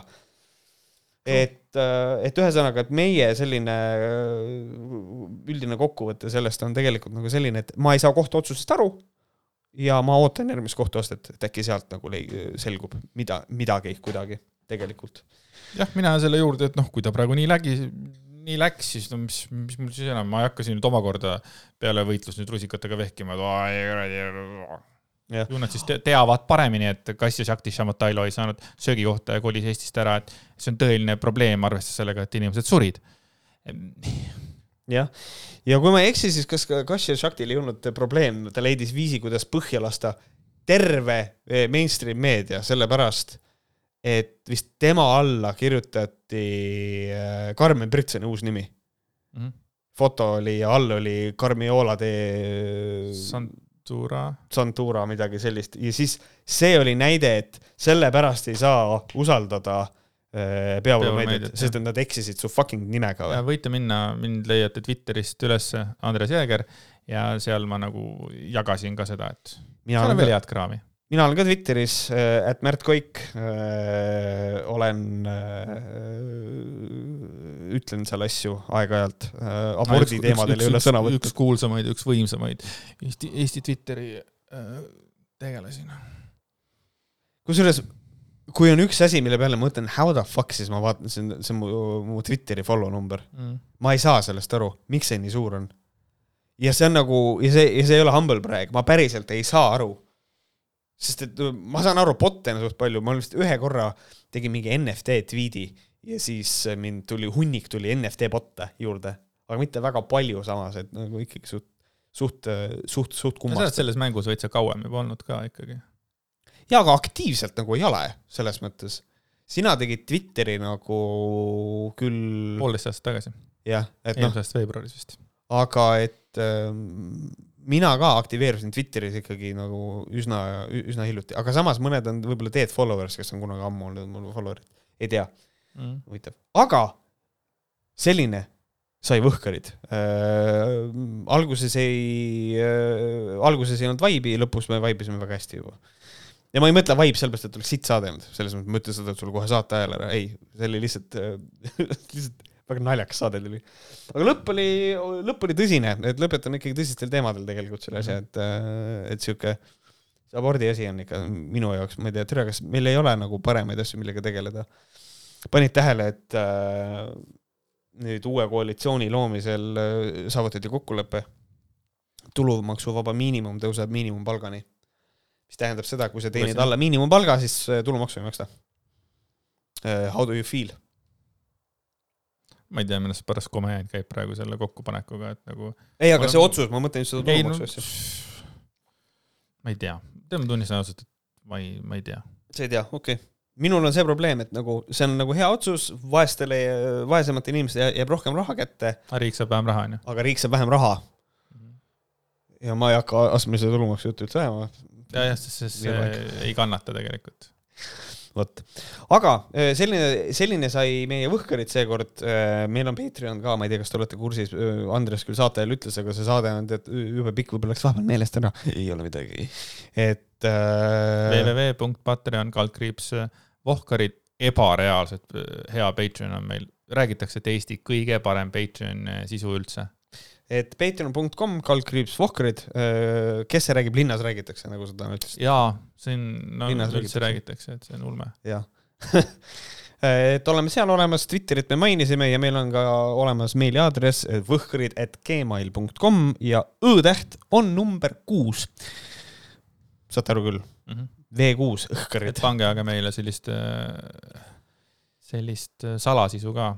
seda me ootame kõige- kõige et rohkem. kõik siuksed asjad, mida nagu äh, meil, meil on kombeks kirjad ette lugeda, mitte küll kõiki kirju, mõni kiri on liiga pikk ja seda refereerides läheb väga palju kaduma, kõiki siukseid asju, aga üldiselt mingisuguseid asju, mida te tahate meiega jagada, võite meiega jagada.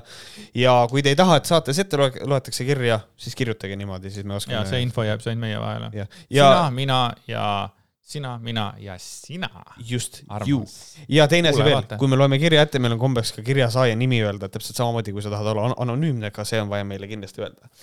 aga selline tuli meie saade, ütlen kolmandat korda, Andres, aitäh sulle aitäh sulle, Märt. selle, kuidas ma ütlen, selle sooja ulualuse eest., tõeliselt tänu. on. ja teiega kohtume siis äh, tegelikult juba järgmine nädal, kui te olete meie Patreoniga liitunud, kui ei ole, siis kohtume ülejärgmine nädal. hoidke oma päike Mardi Neptuuni kvadraadis. Nuff said, tšau. tšau.